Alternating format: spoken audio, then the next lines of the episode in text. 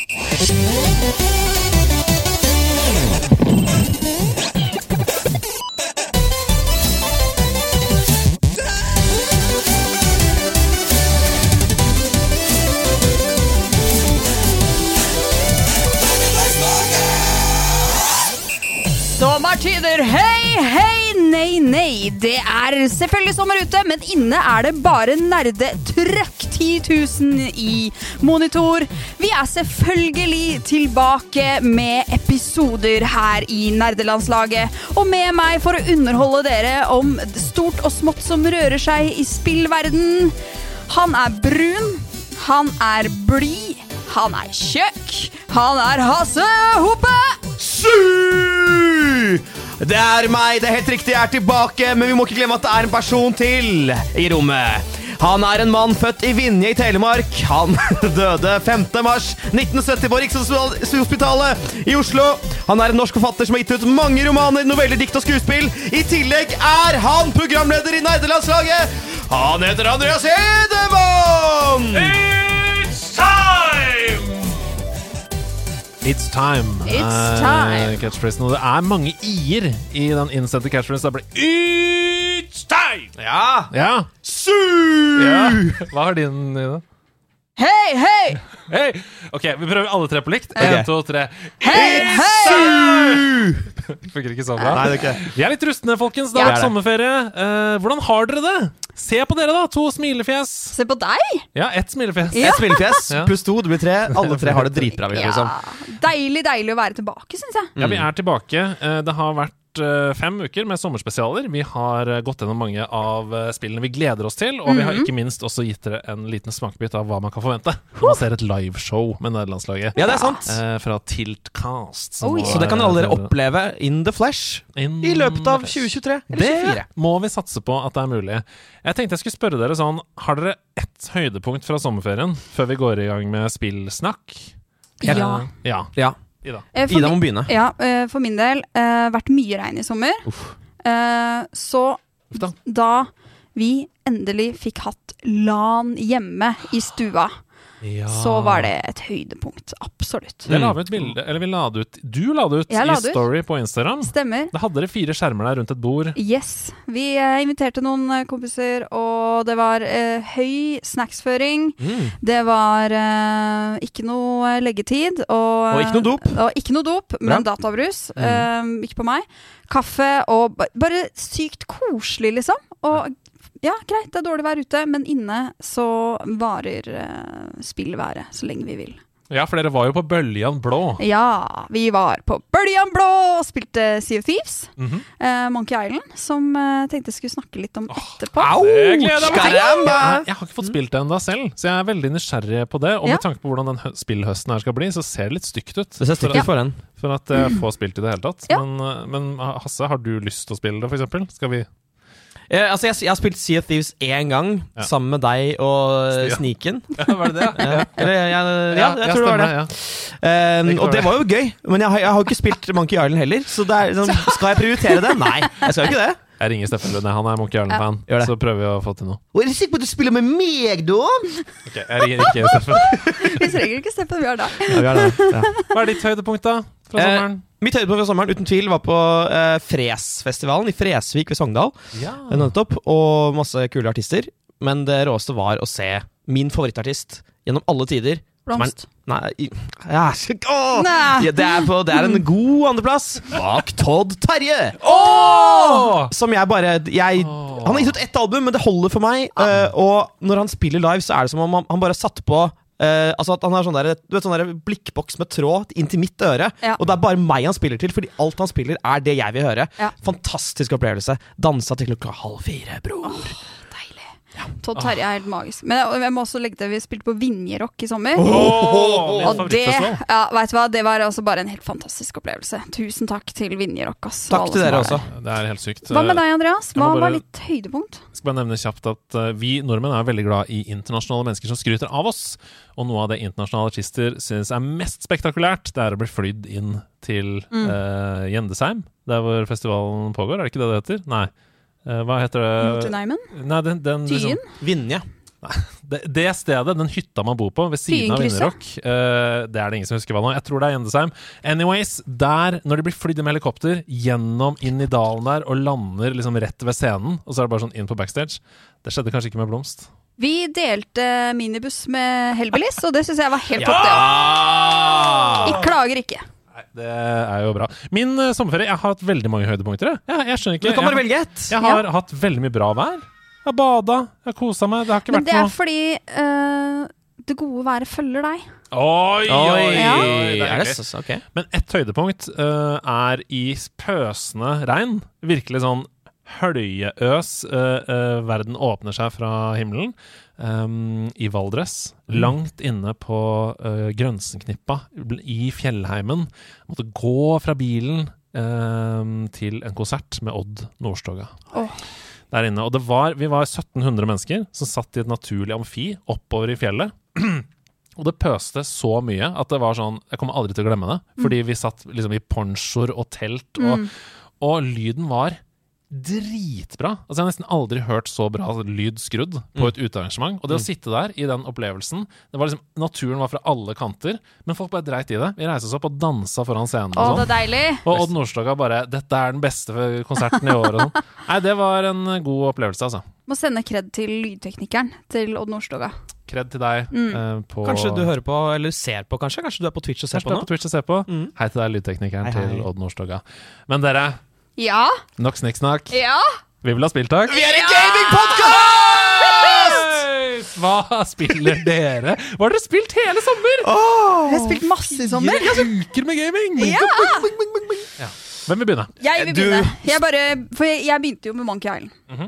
Først uh, Monkey Island er Eller eh, Monkey Island uh, Sea of Thieves. Ja. Er, det er altså Jeg har spilt veldig lite Sea of Thieves før.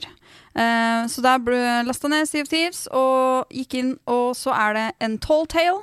Det er det det heter, er det ikke det? Ja, jo, jo, det er det. På en Ja. måte Singleplayer-opplevelsene, eller ikke singleplayer, da, men eventyr, altså story-opplevelsene, heter Tall Tales. Yes. Altså, for det er jo en åpen verden hvor du bare holder på rundt, og så må du på en måte reises til å plukke opp en tall tale for å starte et quest. Det stemmer. Så vi reiste, eller vi plukka opp Talltalen, uh, Monkey Island, og, og dro til Melee Island. Ja. Og uh, satte i gang uh, et eventyr der.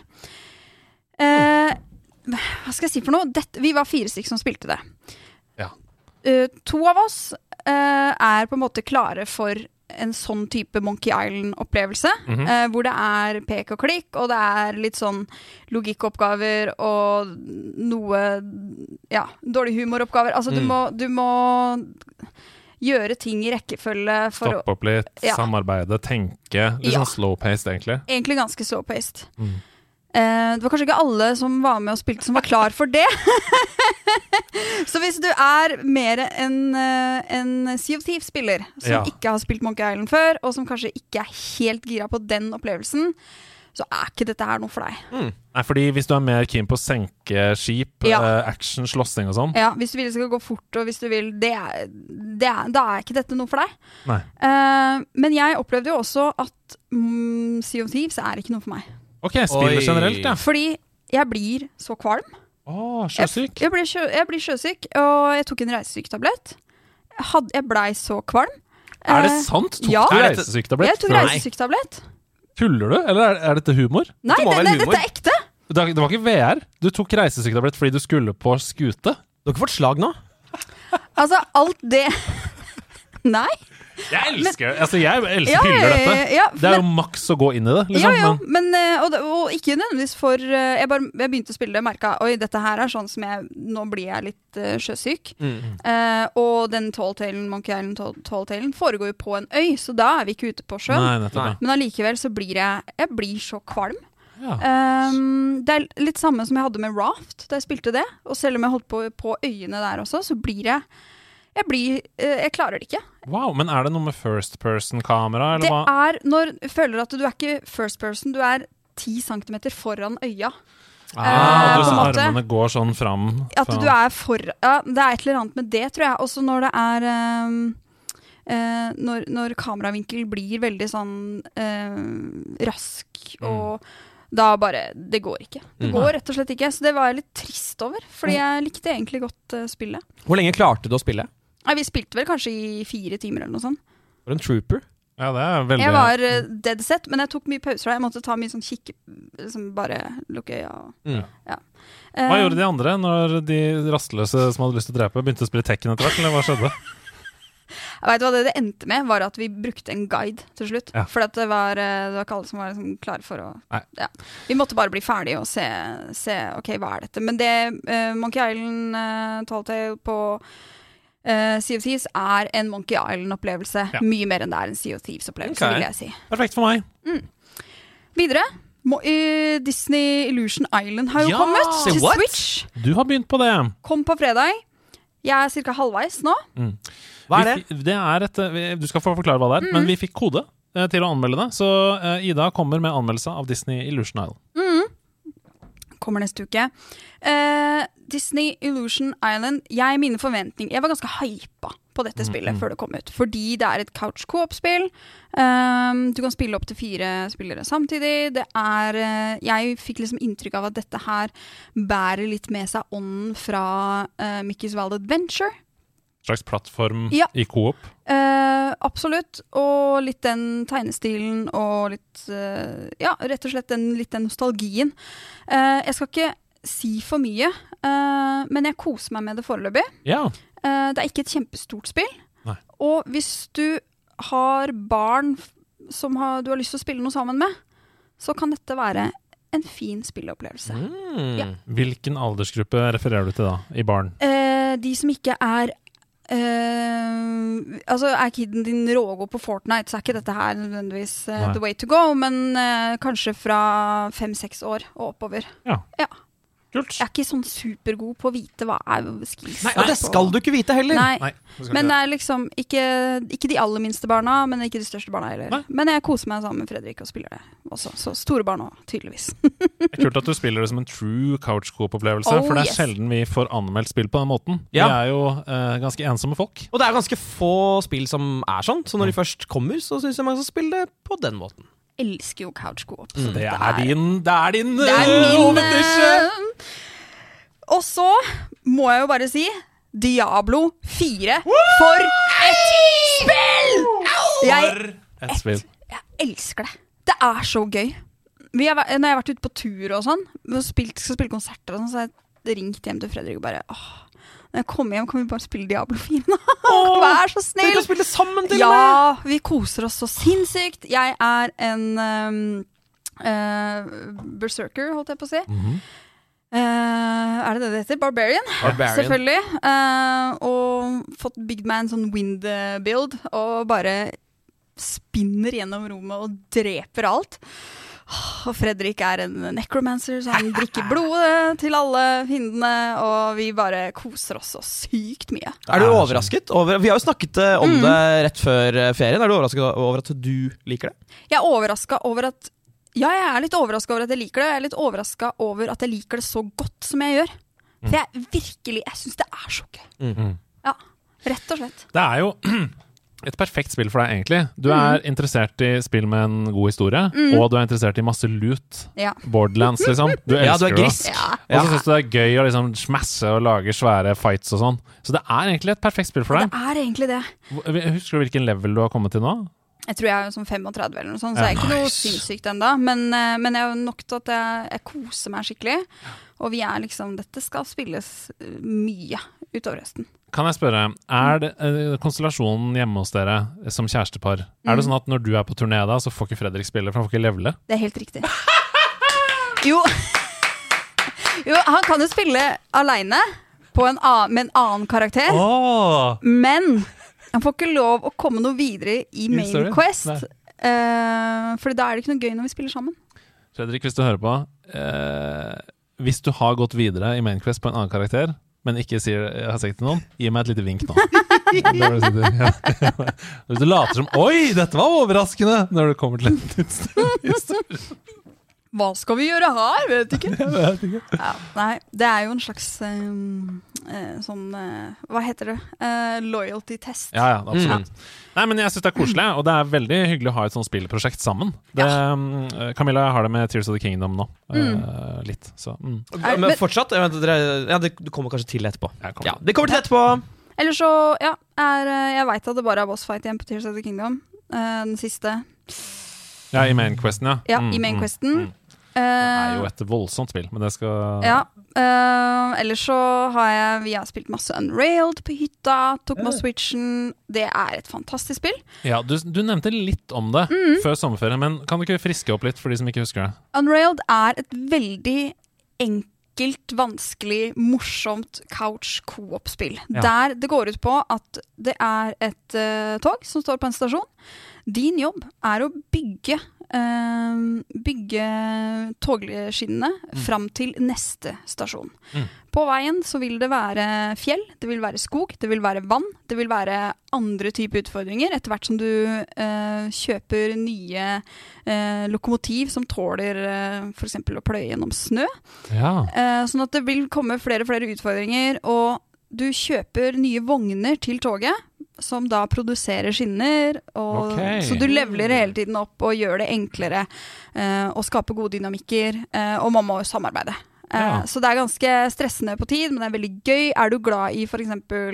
Overcooked, så er jo dette et kjempespill. Ja. Koster sånn 50 spenn eller noe. ja takk. Det høres også litt ut som noen av de samme mekanikkene som um, Hva heter sånn når du har turrets, og så plasserer du de ut? Uh, det heter jo Tower Sånn Tower Defense. Defense. Tower Defense, fordi du oppgraderer vognene. Du Ja. får mer. Ikke sant? Så det er noen av de samme elementene Mm. der. Og, og for, for mange så er jo sånn type gameplay helt heroin. Så hvis du kjenner deg inn i det Unrailed. Unrailed. Anbefales. Og så uh, det, er, er spillmotoren Unrailed Engine? Oh! du hva, den er god. Da er du god. Det er greit. Det er greit. Og det var lang latter. Ja, men det var altfor lang meningen. latter. Ja, ok. Skulle, skulle henge om Ja, okay, greit. eh, de syntes det var gøy. De syntes det var veldig gøy. Takk. Helt til slutt så må jeg bare innrømme at jeg har falt for eh, uh, reklamebudsjettet til mobilspillet Merge Mansion. Oi! Oi! Fordi altså, du har Pedro Pascal i reklamen Det er så sykt. Det Fordi, er- fordi han fikk 80 millioner dollar, så sitter du og spiller det spillet nå. Altså, Forrige gang jeg så han i spillsammenheng, så var det jo det The Last of Us. Ja. Så da tenker jeg ja ja, dette må være kvalitet. Du lot deg lure! Jeg lot meg lure. Og det er, øh, og det er jo Merge Mansion er jo, for de som ikke vet det, bare sånn Kombiner disse to tingene, så får Ja. du en ny ting. Ja, Men- kan, kan kan jeg bare forklare for lytterne hva altså, Fordi dette er jo episk fordi altså, denne reklamefilmen som de har Mm. laget med Pedro Pascal, er jo Jeg tror den er verdt Altså jeg tror de brukte kanskje ti ganger mer på den Enn på enn på spill. selve spillet. For den er sånn skikkelig bra laget, og han spiller sånn skikkelig alvorlig. Altså, jeg vil se den filmen!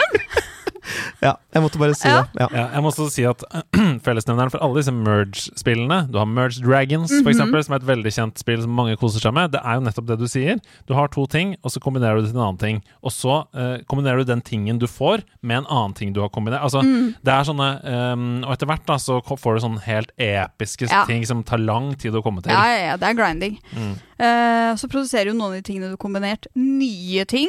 Mm. Det er et klassisk dospill, Ja, eh, trille barnevognspill ja. osv. absolutt. Har du brukt mye spenn? Har du latt deg lure av Nei, deres mekanikker? Kroner. Bare tid. Masse tid. Ja, og det er mer verdt. Ja. Vil mange si. Så hver gang du spiller et spill, så bruker du på en måte penger. Min tid. Den Hver er gang du spiller et spill, så, er, eh, så bruker du tid som er, gjør deg nærmere døden. Da. Ja, Ja. riktig. Så Ja, ja. Den er grei. Det var meg. Hei, så vi er tilbake fra sommerferie, folkens! Noen som er gira på spill? Nei, men Veldig bra, Ida. Masse kule spillopplevelser. Ja. Eh, håper folk sitter med noe Dette er jo sånn Første episode etter juleferien Første episode etter sommerferien handler veldig mye om spill. Ja. Fordi eh, Altså, hele podkasten gjør det, men fordi vi har spilt i fem uker. ikke sant? Mm. Så sitt med en notatblokk. Skriv ned det som du syns høres interessant ut.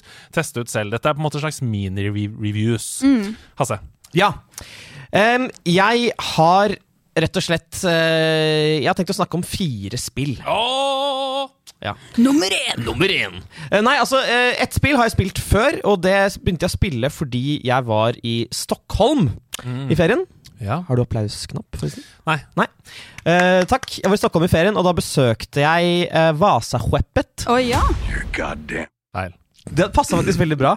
Eh, Vasaskeppet. Ja. Som er dette gamle gamle skipet som sank eh, rett utenfor eh, Fordi Stockholms var- Fordi det var lagd av knekkebrød. Lagd av knekkebrød, dessverre. Oi. Ja. Når det blir vått, så blir det mykt. Da blir det vått og blir mykt. Um, dette skipet sank jo uh, rett, uten, rett etter det hadde forlatt kai. Det er et svært fucking 1600-tallsskip. Det er så høyt, Det er så høyt. og det er problemet. Og det er problemet. er Um, problemet. Og så har jo da det blitt til et museum som er dritfett. Liksom, uansett om du er interessert i historie eller ikke. Det er dødskult.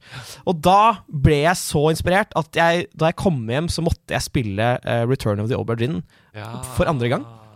Uh, og det er egentlig noe jeg tenkte jeg skulle spare i ti år, sånn at jeg hadde glemt alle eh, altså løsningene i, i spillet, men jeg måtte bare gjøre det. Og det var fortsatt dritfett. Eh, det er jo dette spillet der du går rundt og skal finne ut hvordan passasjerene på et gammelt skip døde. Mm. Um, Utrolig sånn stilistisk svart-hvitt grafikk. ja, Som gjør noen kvalme, og andre gærne av eh, moro. Adrenalin, Adrenalin. og sprengende Og- blodkar. Og sprengende blodkar. Um, og det sementerte også sin posisjon som et av mine topp fem, uh, mine topp fem største spillopplevelser. Det er noe av det aller beste jeg vet. Hvis det er noen som hører på fortsatt, som uh, har fortsatt sommerferie, Mhm. så er det veldig viktig å si at sommeren er en tid Mm. for å la seg henfalle til sånne ting. Ja. Ta opp gamle ting som du er sånn Vet du hva, nå har jeg lyst til å spille. Ikke tenk sånn Nei, jeg må spille noe nytt fordi bla, bla, bla. Det er uh, fri. Du kan gjøre hva du vil. Mm. Uh, jeg har brukt eh, litt tid i sommer på å se filmer som jeg har sett før. Som jeg koser meg med. Fordi jeg hadde lyst til å ha sett Moneyball på, på nytt, for Ja! Bare fordi jeg hadde lyst til å ha sett The Big Short på Ja, nytt. deilig. Ja, du, du har sett masse Adam McKay-filmer? Ja, masse Aaron Sorkin. Ja, ja. Ja, ja. Um, helt, helt enig. Jeg bare sier også at ordet 'henfalle' er veldig veldig flott. Ja, det er veldig Det er fint. imponerende at du brukte det ordet. Eh, et annet spill som er litt i samme gate, som eh, jeg er kanskje litt sånn seint ute til. Alle snakket om det i vår, men det er Dredge. Ja, jeg hoppet på Dredge-toget. Eller Veldig kult. Dredge-båten. Ja. Jeg har ennå ikke fått spilt det. Nei! Det ligger på wishlist på Steam for meg. Jeg gleder meg veldig til å spille det. Ja. Fortell. Det er, nei, altså, eh, det er rett og slett et spill der du kjører rundt i en bitte liten fiskebåt eh, og fisker fisk, selger fisk, oppgraderer båten din osv. Men så er jo på en måte det store, det, det store twisten her er at det er et uh, Lovecraftian spill. Så det er liksom sjømonstre, og du blir sakte, men sikkert gal utover natten. Uh, og det er sykt creepy. Og jeg har noe som heter talassofobi, som, som vil si at altså, jeg er redd for uh, det store, mørke havet. Så det å være ute Sunn på havet fornuft, mener du? Det er sunn fornuft, Ja. um, men det er ekstra ille for meg. Og når man da er ute på havet, og det er bekmørkt, alt du har er en bitte liten lampe som Åh. henger og dingler, og liksom, du ser at det skjer ting i havet, du hører lyder, du er langt unna uh, neste havn Veldig, veldig creepy. Men dødskult. Mhm. Det er en grunn til at dette har blitt snakket så mye om. Um, det koster ganske mye, syns jeg, til å være et, uh, et lite indiespill. Det koster 250 kroner. Mm. Litt mye. Uh, som kan fint vente et par måneder, og så vil det nok koste 70. Men syns du for deg er det verdt det? 250 Ja, ja det, er, det er det absolutt. Ja. Det er det. Eh, Men sånn for å bare teste om man liker det, syns jeg det er litt mye. Mm. Så veldig, veldig kult. Nå skal ikke vi oppfordre til dette fordi det er litt um, ja, synd for små utviklere osv., men det fins jo en refund-funksjon på Steam. Ja. Sånn at hvis du har lyst til å bare teste om det funker for deg, så er det såpass automatisert at du kan bare uh, kjøpe det, Mm. laste det ned, og så spille det inntil 60 minutter. Og så kan du bare trykke på refund, Mm. Ah. og da får du igjen pengene. Så det er på en måte en slags demo av alle spill. Jeg tror det er litt mindre enn 60 minutter, men hvis du prøv det i Jeg mener det er to timer, jeg. ja, okay, ja. Eh, prøv det lite grann, og, og hvis du ikke likte det, så er det forbrukervennlig å kunne refunde. Absolutt. Det går vel ikke på PlayStation? Nei, det Nei. er kun på Steam. Ja, så sjekk det ut uh, hvis du har lyst til å bruke penger på det. Men veldig, veldig kult. Chatten bekrefter to timer her på Twitch. Takk! Da fikk jeg litt bekreftelse på det. 280 kroner. Ja. 280 kroner. Enda bedre. Not. Um, et annet spill som jeg har uh, spilt, um, som også er eh, i indie-sjangeren, Mhm. det er Viewfinder. Å, det har jeg spilt òg! Ja! Er det noe du skal snakke om etterpå? Nei, jeg, jeg kan bare tilføre litt etterpå. Du kan tilføre litt til det jeg skal si nå, som er at Viewfinder er et, eh, et eh, puzzle-spill. Der du går rundt, første person, uh, for å lete etter teknologi som skal redde verden.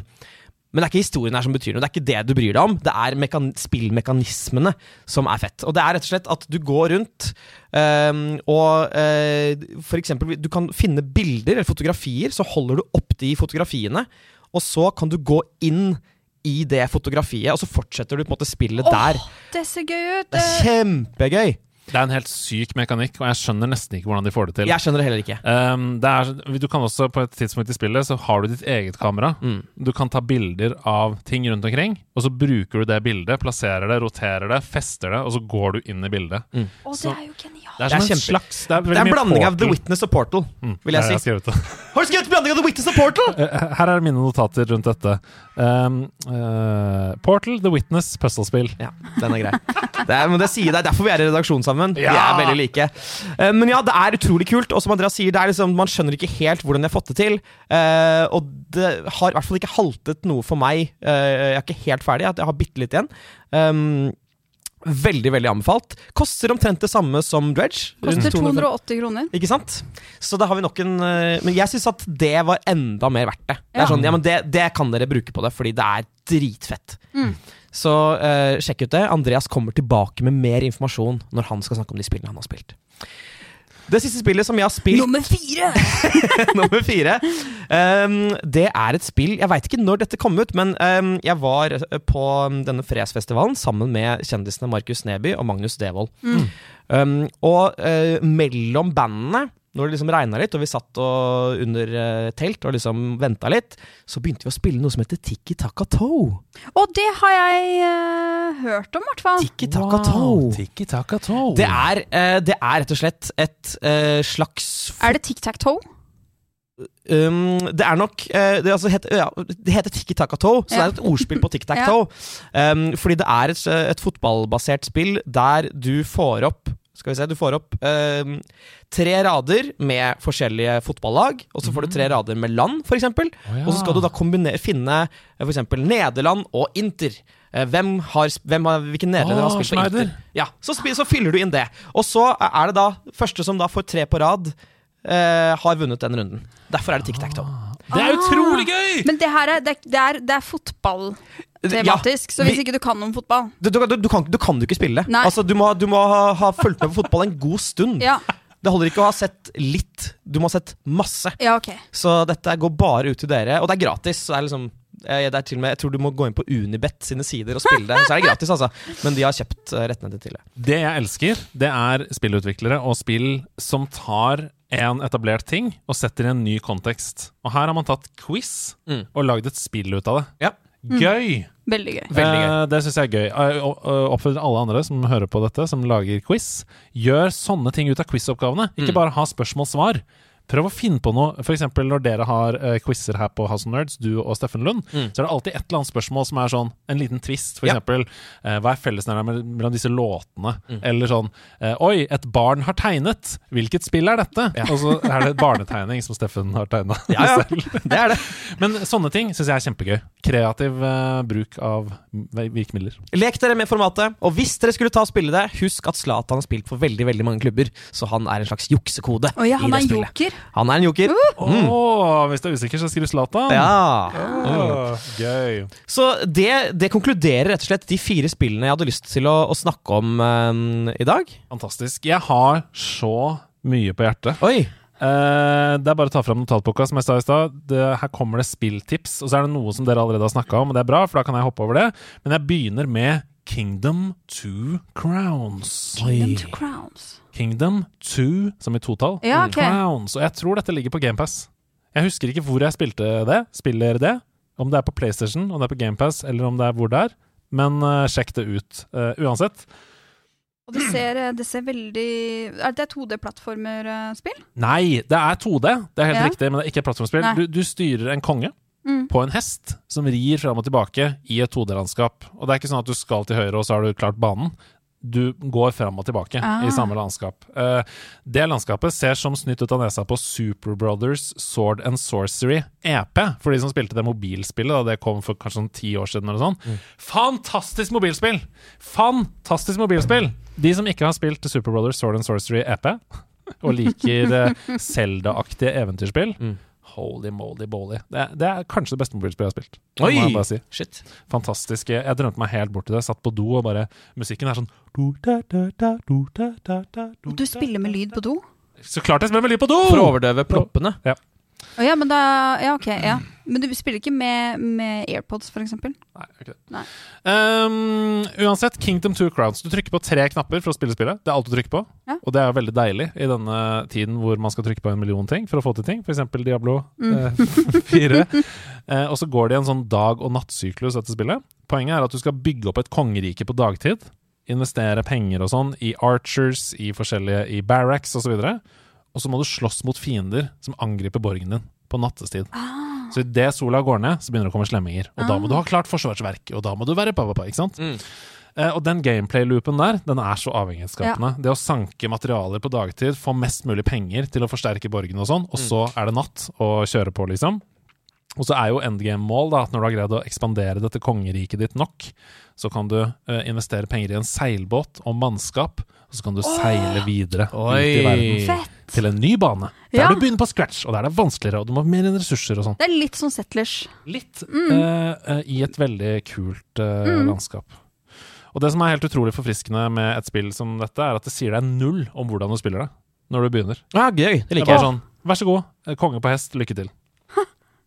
Bare sånn Ja ja, da får jeg finne ut av det sjøl, da. Ja, men det er litt, jeg syns det er deilig. Jeg elsker det. Ja. Jeg elsker det Mer av det i, i gaming. Så Kingdom Two Crowns der, Gi, altså. gi den score, bare sånn kjapt, alle disse spillene du skal nevne i dag. Jeg har spilt det litt for lite, men åtte av ti, eller? Bra. Oh. Eh, Indiespill, da. Så Ja, ja. jeg kan konkurrere i en litt annen liga, liksom. Um, så har jeg spilt Super Mario 3 i kjelleren på Bygland i Setesdalen. Ja da. Setesdal. Ja, jeg bare nevner det fordi det var så blast from the past. Jeg var på ferie sammen med min kone. Eh, Vi reiste til Malin Bygland, som jo er fra Bygland, dette stedet i Setesdalen. Eh, Bodde hos henne noen dager, og familien hennes, og der har de kjellerstue ned trappa, vegg-til-vegg-teppe, en boks med Pokémon-kort, Nes, Snes, Super Nintendo, altså uh, Nintendo 64, gammel CRT-TV. Alt bare sto der sånn Her skal dere bo, Ja. i dette rommet. Du ville ikke dra igjen, du, da? Nei! Er Og hver- vanskelig. Vi hadde opplevd eh, kule ting på dagen, og hver kveld så samlas vi da, altså eh, Malin og Milo, hennes eh, kjæreste, og vi to, og så satt vi der i kjelleren, spiste godteri, drakk Åh. brus og bytta på kontrollene fram og tilbake, og spilte da verden 1 til 8 i Super Mario 3. Å, nydelig. Vi rakk ikke å runde det. Altså, heisen på House of Nerds blir verre og verre. Nå er det, nå er det piper i tillegg. Det er spøkelse. Men jo, eh, fantastisk spill, fantastisk spill. Hopper videre til Diablo 4. 10 av 10. Ja, det er ti av ti. Mm. Det er 10 av 10. Diablo 4 trenger ikke si noe mer. Det er skikkelig gøy. Ja, det er kjempegøy. Hvis du trenger en, bare en underholdende, kul opplevelse med eh, engasjerende karakterer, fantastiske cutscenes, Ja. og bare grindemoro ja, det er veldig, veldig, veldig, veldig gøy. Og det Ja. Og nå er jo sesong én i gang der også. Mm. Uh, Ja, for da begynner man på nytt. Ja, og så er det sånn uh, Ja, som en slags expansion, da. Mm. Altså og mål og nå, og dailies og weeklies og sånn, sånn som det er i vanlige eh, online-spill. For det er litt sånn og opp, eh, og Vi prøver jo liksom Ok, nå må, vi, nå må vi gjøre litt Main Quest. Men her er det en dailies. Oi, vi bare tar det. Men her er det en dungeon. Ja, vi bare tar den. Det Blizzard vet hva de gjør. Ja, og det er maksimal Skyrim-følelse, det der. At det er sånn, Du er på vei mot et mål, men blir distrahert av tusen ting på vei dit. Det, jeg elsker jo det. Ja. Eh, Jeg drømmer meg borti det. Eh, jeg kjenner på at jeg ønsker meg litt uh, forskjellige biomer. Mm. Det begynner Ja. å bli litt likt mange Ja. av de forskjellige verdenene man er Og, og det, det er for så vidt en kritikk jeg kommet, liksom, som jeg har sagt flere ganger når vi har spilt òg, bare Oi, her har de copy-pasta location, eller? Ja. det, er, det, er, det, er, litt skuffende. Ja. Men ellers er alt annet så levende og fint at det er. Bare, ja, det er et fantastisk, fantastisk spill. Kommer mm. til å være med i konkurransen om Game of the Year yep. eh, 9 av 10. Tears of the Kingdom. Jeg blir bare mer og mer forelska i spillet. Jeg klarer ikke å slutte å spille det. Det er en kjærlighet som vokser seg sterkere for hvert minutt jeg tilbringer i Hyrule. Uh, jeg syns det er et så utrolig mye bedre spill enn Mm. Breath of the Wild. Mm, jeg er helt enig. Det, er, det er sånn at det er vanskelig for meg å gå tilbake igjen til Breath of the Wild Mm. nå. Uh, Men hvorfor skal Nei, jeg tror ikke det er noe vits. Aldri gjør det. Nei, jeg tror ikke det. Jeg likte Breath of the Wild også. Jeg likte de forskjellige uh, tingene man gjorde der som var unikt for det spillet. Men det føles som bare rikere, Ja. liksom.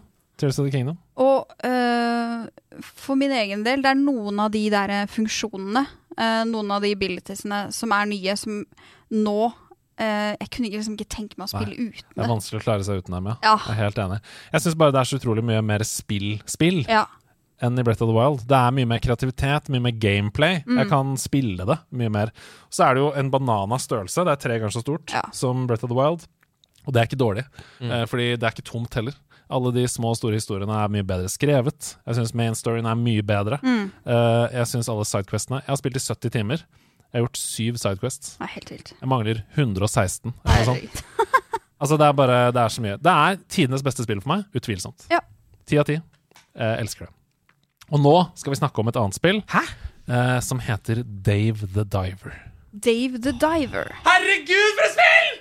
Ja, Dave the Diver! For et spill! for et her- eh, navn! Altså, dette er en dark horse, altså. Vi snakka om eh, Å, dette er jeg, bare søkte det opp, og det er eh, deilig piksel eh, eh, Ja. Altså, Vi snakka om i fjor at Vampire Survivors ikke var Game of the Year, men at det måtte være med i samtalen. Sånn er Dave the Diver også. Oh. Ok, men da Den går rett inn på lista. Det er et helt sjukt spillår i år. Vi, vi kommer til å bli overøst med spill vi må spille denne høsten, men man må ikke overse Dave the Diver. Det er en indie-perle hvor du spiller en dykker som er litt eh, overvektig. Eh, det er koselig at Og han er det. smultringskjegg. Ja. Og den dykkeren må på dagtid da dykke ned under overflaten for å fange fisken som du skal drive en restaurant med på kveldstid. Åh, kos! Altså, de har jo bare knekt Altså, det, det morsomste Alle spill må ha fiskefunksjon. Mm. Her har de tenkt dette er et fiskespill med en annen funksjon. Og så dykker du ned. Eh, Du begynner med vanlig irriterende liten kniv. Så får du harpun, selvfølgelig, som blir bedre. Så får du gunner, som du kan skyte ting med der nede. Og så begynner du å skjønne at det er ikke bare fisk her. Her er det noen skatter og en hemmelig dør til et ancient, gammelt rike. Og plutselig så handler det ikke om å fange fisk og drive restaurant lenger. Det er bare, det er så fylt med utrolig mye fantastiske ting. Og det ser jo superkult ut. Men ikke stol på meg. Stol på IGN. Dave the Diver is a tremendous and unforgettable RPG adventure that I can't put down. The story and characters are full of heart and charm. The underwater exploration and restaurant management are easy to lose time to. And the sheer number of weird minigames and other surprises that are packed into this 30 hour adventure ensure things never grow stale. Even with wimpy bosses, simple puzzles, and a fair number of bugs, Dave the Diver has so many other interesting and intriguing things going on that it's easily one of the best games I've played this year so far. Ok, Det er så bra! Ja. jeg er solgt. Jeg, er- jeg er solgt. Det er så bra. Og det, det står jo Altså, det, det har jo et ti av ti på Steam. Med 44 000 anmeldelser. Altså, det har eksplodert, dette spillet. Det er et bitte lite indiespill. Det har ikke budsjettene til Tears of the Kingdom i det hele tatt, men det er så mye kjærlighet i det. På et tidspunkt i historien, jeg skal ikke spoile noe, men på et tidspunkt i historien så kommer det en sånn sur matkontrollør til eh, restauranten din, som er sånn Ja, skal du ha løyve her, da? Og så må du finne en helt sånn sjuk rett. Jeg vil ikke spoile hva det er, som du må mikse sammen med en sånn samuraikokk som bare tja, tja, tja, fikser det på helt nydelig vis. Og så blir det sånn na, na, na, så vill cutscene hvor hun bare blir forelska, hun matkontrolløren. Og det, det er så mye overskudd og glede, og ja, jeg elsker det spillet. Um, og den gameplay-loopen er utrolig avhengighetsskapende, så ja, timene kommer til å forsvinne, akkurat som i Vampire Survivors. Jeg er solgt. Jeg er solgt. Og det ser, ja, det, mm, det ser ut som en blanding av Vampire Survivors, av ehm, Hva var det jeg skulle si? Å, jeg så et lite minigame her. Det er noen minigames og Ja, ja, ja. sånne ting. Fordi du har en mobiltelefon som driver og popper opp, hvor det er sånn, du, får, du får meldinger fra de andre karakterene og sånn, som er veldig genuint morsomme, de meldingene. Eh, og der er det også selvfølgelig mobilspill inne på mobilen i spillet. Så du, det er sånn, plutselig så kommer det et plattformspill som er dritgøy på mobilen din inni. Ja, det er veldig Altså litt Stardew Valley-aktig. Veldig, Ja. og masse RPG-elementer. Du oppgraderer dykkerdrakten din, du oppgraderer restauranten, du oppgraderer ikke sant. Så det er uh, utrolig avhengighetsskapende. Umulig å ikke like. Dave the Diver. Mario Kart 8 har fått nye baner. Det spillet Altså, det kom til Wii U, Ja. Mario Kart 8, og det er fortsatt Vilt. helt fantastisk. Uh, Feather Cup og Cherry Cup er de nye cupene. Jeg har spilt gjennom dem. Uh, helt OK. Ikke like bra som tidligere expansions har vært i det spillet. Én bane er kjempekul. Jeg husker ikke helt hva den heter. Det er den siste banen i Jo, Yoshi's Island. Det er Yoshi's Island, Ja. altså fra spillet. Det er ekte Yoshi coins, det er egen musikk. Det er veldig gøy. Så Yoshi's Island-banen, spill den. Så er runda Super Mario World. Det er en tradisjon. Det er hver sommer. Eh, det tok tre timer eller noe sånt. Mm. Tar det kortere tid for hvert år? ja, det gjør det. Uh, Vil vi se deg på GameStone Quick? På Nei. Oh, det har vært gøy. det ikke det. Tre det. timer. Til og med i Norge så er det veldig mange som er veldig gode på å runde Super Mario World. Så. Det er bra. Møtte på GDQ og så bare Ja, tre timer er det jeg satser på. Men jeg tror jeg uten problemer Altså, eh, Jeg liker jo ikke å speedrunne det, for da er det jo bare sånn blablabla, førstemann Mm. til siste boss, liksom. Men jeg tror jeg kan spille meg gjennom alle verdenene og komme meg til siste boss på to timer. Uh. Så veldedighetsstream. Det er litt Ja. som at du viste fram hvor god du var Shifu. i Shifu. Jeg tror jeg kan liksom showcase at jeg er ganske god i det spillet på en Jeg veldedighetsstream. syns du timer skal benytte den muligheten ved første anledning. Jeg er enig. Viewfinder. Uh, Hva er det? ut, utrolig kult spill. Uh, du har dette polaroidkameraet, uh, du har bilder som ligger rundt osv., som Hasse forklarte i stad. Det eneste jeg har lyst til å legge til, er at det er et skotsk selskap, men at vår helt egne Oda Tilseth, Ja! som har vært gjest i nederlandslaget, hun har vært audio-lead på å lage Viewfinder. Hun har vært lyddesigner. Bra, Oda. Bra, Oda! Tenk på det! Norske Ja. damer! Det er bra, Ja. og det er bra lyd! Ja, det er bra lyd, det er bra spill. Ja. Fikk ni av ti av eh, gamer.no. Og av oss. og av oss her. Um, ja Sidepocket. Der, ja. Ah, Nå, Nå snakker vi. Nå, Her er det deep cuts! Sidepocket! Ja, jeg skal bare si kjapt eh, det, Apropos retrospill, fordi vi snakka om Super Mario World. eh, Jeg ramla innom den Super Nintendo-kategorien inne på Nintendo Switch Online. Fordi jeg skulle spille Super Mario World, og der er det sånn at du blar gjennom et uh, arkiv av coveret. Og jeg elsker den følelsen av å ha en bokhylle med gamle retrospill, som jo man har da inne på Nintendo Switch Online, og plukke det man har lyst til. Og Der fant jeg også et biljardspill fra 1986. Men litt sånn slibrig eh, litt der, er- er det, jeg, jeg bare googla det nå og trykka på images, og da får jeg opp en slags Litt sånn eh, Hvis Basic Instinct hadde vært uh, Ja. det, er, det er noe sexy dame i Oh. halter nekk. Det er det er definitivt 1986, men det er bare disse små cutscenesene mellom hovedpoenget, nemlig å spille biljard. Og hvis dere husker altså det, var, det spillet var skikkelig avslappende. Jeg synes det var gøy. Og husker dere biljardspill? Se, se for deg 1-2-3-spill. Du starter ovenfra, du ser kameraet ovenfra, der biljardballene ligger i en trekant sånn som de gjør, og så er det bare en uh, eh, cue, altså en kølle, som peker de forskjellige veiene, og så er det prikker som Ja, viser ja. hvor du skal sikte, og så er det sånn power zzz, Ja. zzz, zzz, Hvor mye power du skal bruke. Det er det eneste. Få ballene i høla. Oi. Oi. Hæ? Få ballene i høla? Du det er putter ikke ballene i høl. er litt grovt. Det er litt grovt. Nei, du putter baller i høl på biljardbord, ikke Ja. noe annet sted. Det er greit. Sånn er det. Bare slå kølla rett inn i ballene og rett i høla. Helt Det er ikke greit. Det er helt riktig. Men, eh, men ja, hvis du har lyst på et chill biljardspill som har retrografikk, uh, Side Pocket ligger på Nintendo Switch. Så er det blitt Legend i Heartstone. Det er Well, I'm impressed! Ja, det er faktisk Ja. Men du, to, du brukte ikke så lang tid heller. Det er news også. Det er nyheter også. Ja.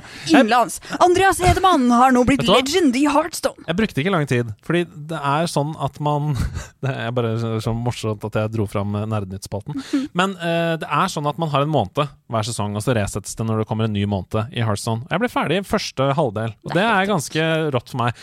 Bak dere på veggen så henger det et Legend-symbol med 14 857. Camilla perla det til meg første gang jeg ble Legend, og da var jeg nummer 14 857 i verden. For det er det det vil si når man blir Ja. Legend. Da får man faktisk sitt nummer, da. Mm. nå nummer er jeg topp 3000 Oi! I verden! i verden. Du er jo Wow! I'm impressed! Topp jeg, 3000. litt, jeg kjenner jeg blir litt sånn Så- starstruck. Litt sånn nerdete Ja, så Hvis man skulle perle den på nytt, Ja. så er det liksom Det er snakk om 11 000 plasser bedre. altså Enklere å perle den. For det er færre tall. Det er mye, mye enklere. Så det gikk bra. Og så spiller jeg Pikmin 4. Ja. Masse. Eh, Og det må jeg spille nesten døgnet rundt de neste to døgnene, Fordi da kommer Baldur's Gate 3. Eh, og jeg skal anmelde Pikmin 4, og jeg skal anmelde Baldur's Gate 3. Oh! Så Vet du hva? Altså, jeg må bare si uh, tettheten av anmeldelser i denne podkasten, ja. det er helt rått. Ja. Hvis det er lov å, å skryte av eh, ja. av- 2023 har vært veldig bra for oss. Vi hadde anmeldelser i nesten hver episode hele året. Mm. Eh, og Men det bare, vi, det er ingen av oss som på en måte Vi får jo ikke betalt for å gjøre det. Nei, vi gjør ikke det. Vi bare jobber med det. Eh, Vi bare elsker spill, vi. Ja, vi elsker det. Så det er helt fantastisk. Håper dere liker anmeldelsene våre. De blir det flere av. Yes. Ok, da skal vi gå til vår neste spalte. Ha med ting etter ditt behag. Og hjelpa har vi med oss til studio i dag. Kanskje har vi med oss en bok som sier hvilke fag vi liker å ha om i dag. Det er helt ny vignett, og jeg blir så satt ut lett! For det er ha med deg. Der ble jeg tatt på senga fordi jeg sa at vi hadde med en bok som viser hvilke fag vi har med i dag. Og det er ikke bra nok. Og med det så er vi Oi, inne oi, oi, i en ny ha med dag-æra. Ja, vi Eh, er det. Og det er så drømmete musikk her nå. Ja, den ligger i bakgrunnen mens vi snakker om nostalgiens gleder. Eh, Det er en eh, hurtigere vignett, det er mer punch in. Du kan være med og synge på hjemme Oz, eh, oz, eh, oz, i bakgrunnen, videre. Reggaeton. Eh, Men har dere tatt med dere noe, eller? Ja. Jeg har tatt med noe psykisk. Ja, da begynner jeg, for jeg har tatt med noe fysisk, jeg. Har du det? En fysikkens mann. Jeg har tatt med meg The Fall of, Of Numenor. Numenor. Oi! The Fall of Numenor, som er en bok av J.R.R. Tolkien. Hæ? Eh, den Det er han som har skrevet på Harry Potter. Det stemmer det. Uh, Harris Potter uh, har han skrevet Jeg, tok med, jeg kjøpte den på Amfisenteret i Moss eh, i sommer, på Nordli. Der. Hei til dere, Nordli. Eh, for å ligge på, i hengekøya med på hytta. For det første så er jeg veldig svak for hardback-bøker, Mm. som er denne her. Så når jeg tar den ut av sitt liksom papirdeksel, så er det jo Det føles så deilig, deilig. Det som en fint. hardback. Men jo, The Fall of Numenor, det er en samling av tekster som handler om landet Numenor. Mm. Eh, for de som har sett Rings of Power-serien til Ja. Amazon, så er det det landet som ligger ute i sjøen eh, vestover. Der, eh, der det bare er masse klipper og Ja, Der hvor det er klipper og sånn. Eh, nå skal ikke jeg spoile hva som skjer med Numenor osv., for det kommer til å være neste sesong av Rings of Power. Men The Fall of Numenor handler da også om eh, menneskene som er der. The Dunedines, som de heter. Og hvem er den mest kjente Dunedinen, dere? Det er Aragorn. Aragorn. Det er Aragorn. Eh, de menneskene som bor på Numenor, de har jo uvanlig langt liv. De blir ofte 150-200 år gamle, um, og det er en grunn til det. Så dette er en veldig veldig spennende historie om hvordan det landet ble til, eh, hvordan de lever der, og hva som eh, unektelig da med tiden skjedde med det landet. Å, jeg er intrigued. Mm. Jeg er kjempeintrigued. Hvis man er nysgjerrig på Silmarillion, nysgjerrig på den tiden før eh, Ringenes historien herre. i Ringenes herre, Mm. så er The Fall of Numenor en del av det. Uh, den, the Second Age of Middle Earth, som er så underfortalt. da. Elsker det universet der. Ja, Det er helt fantastisk. Og det er, jeg leser den på engelsk. Veldig flott skrevet. Eh, klassisk Oxfordian uh, Tolkien-vis. Ja. Så, så det er deilig å leve seg inn i. Og jeg, åh, å ligge i hengekøya på hytta der og bare svale med en liten Fanta Free uten sukker. Mm -hmm. Selvfølgelig. Eh, er Men hvorfor har du venta så lenge med å lese det? fordi den er helt ny. Dette er en samling av uh, tekster som er uh, redigert for å gi den historien i sin helhet. Fordi historien om Numenor ligger i tilleggene til Ringenes herre-bøkene, og det ligger også i Silmarillion. Det ligger litt sånn forskjellig spredt utover, så her er det fra start til slutt. på en Et måte. kompendium, Med på en måte. fantastiske illustrasjoner Oh. av uh, Alan Lee, uh, som jo har illustrert tidligere, og også jobbet på filmene sammen med Peter Jackson. Så det er, Og veldig sånn deilige kart, selvfølgelig. Sånn som Mm. uh, ja. Veldig, veldig fin bok uh, hittil. Elsker den følelsen der av sånn Ja. Ondskapen kommer. Nå viser jeg en tosider her med mørke og lyd. Det er sinnssykt bra ha med dag.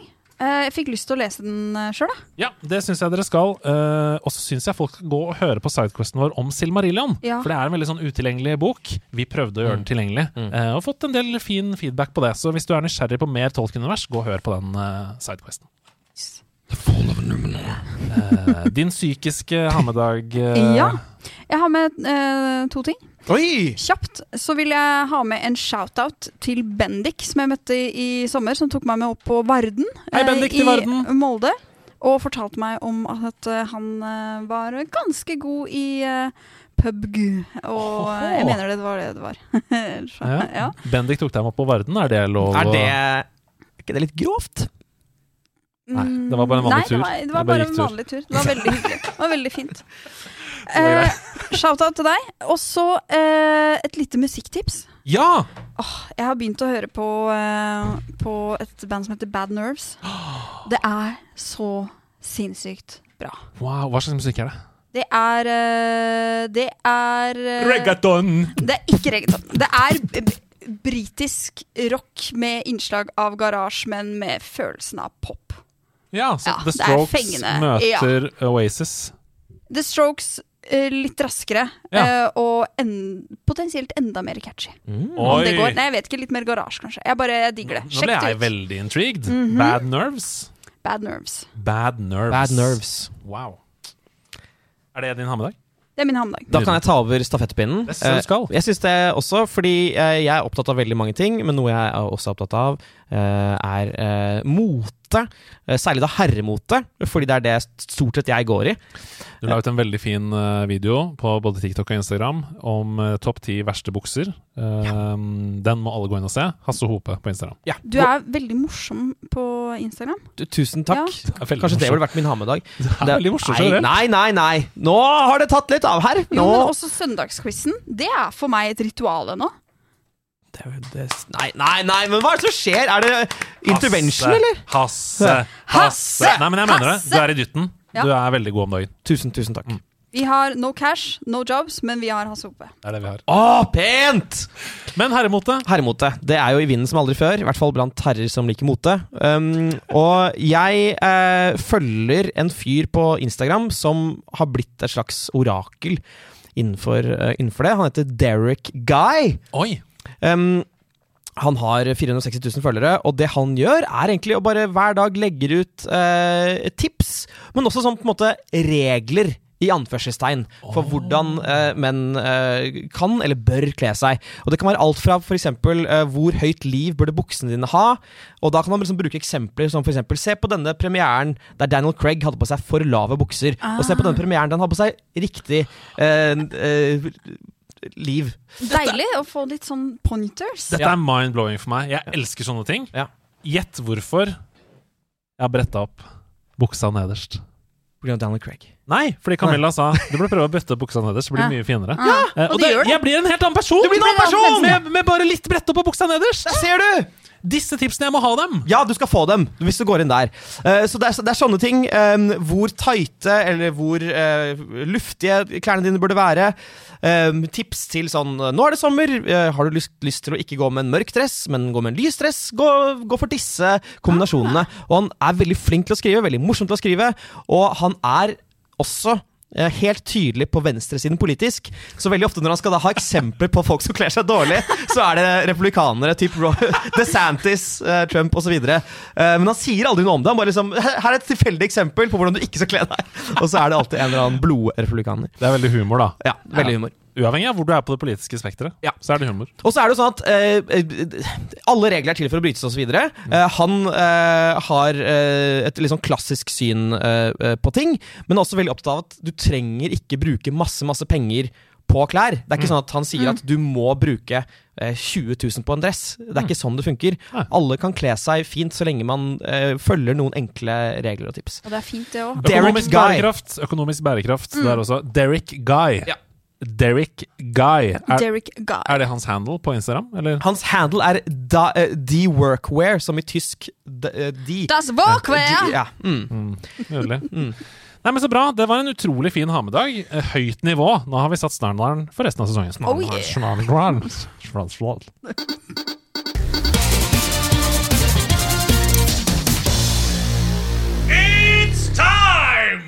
Mitt navn er Andreas Hedemann, og dette her, det er Nerdenytt. Vi skal først til eh, våre gode venner i Quillbite. eh, dette Hamar-selskapet som står annet bak Among the Sleep og Mosaic, to fantastiske spilleopplevelser. De slapp en supersøt, eh, fargerik lekkebisken av en nyhet i sommer. Nemlig annonseringen av spillet Fruit Bus. Fruitbass. Fruit Bus! La oss høre litt på lyden av traileren til Fruit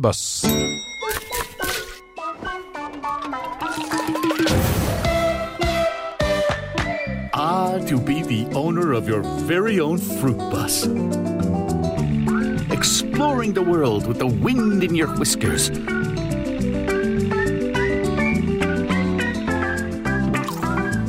Discovering new ingredients and flavors to make the best dishes ever. Og så videre. Oi, kos! Ja, veldig kos. I en pressemelding så skriver Coolbright at eh, spillerne skal få utforske en åpen verden full av sultne folk. For å tilfredsstille massene så må man samle inn ingredienser både ute i naturen og på butikken, og hive sammen diverse retter. De har ikke sagt noe konkret eh, dato. Det skal komme til både konsoll og PC. eh, Og det er mulig å wishliste spillet på Steam allerede nå. Det står 2024 der inne, da, så da kan man jo regne med at det er en god horisont. Hva syns dere? Har dere fått sett denne traileren? Hva syns dere om det vi fikk se? Yes, eh, da jeg så traileren, så tenkte jeg dette er Ida-mat. Eh, spesielt eh, den greia med at ok, her har du en food truck, her skal du på en måte bygge den og drive den, og det skal være litt stress, og du må eh, ja, det, det, det er sånn, det, er, det liker jeg. Men jeg er litt skeptisk til um, FPS-en, holdt jeg på å si. Ja, Eller, ikke at du skal bli dårlig? Men, ja, For sjøbein? Ja, jeg er litt redd for sjøbein. Ja. Og så er jeg veldig spent på om dette kommer med en uh, multiplayer-funksjon. For det er jo et spill som jeg tror kanskje jeg ville nytt Det hadde vært liksom morsomst om jeg kan få den overcooked um, plate up-følelsen. det høres gøy hvis én kan være ute og finne ingredienser, og en annen kan choppe.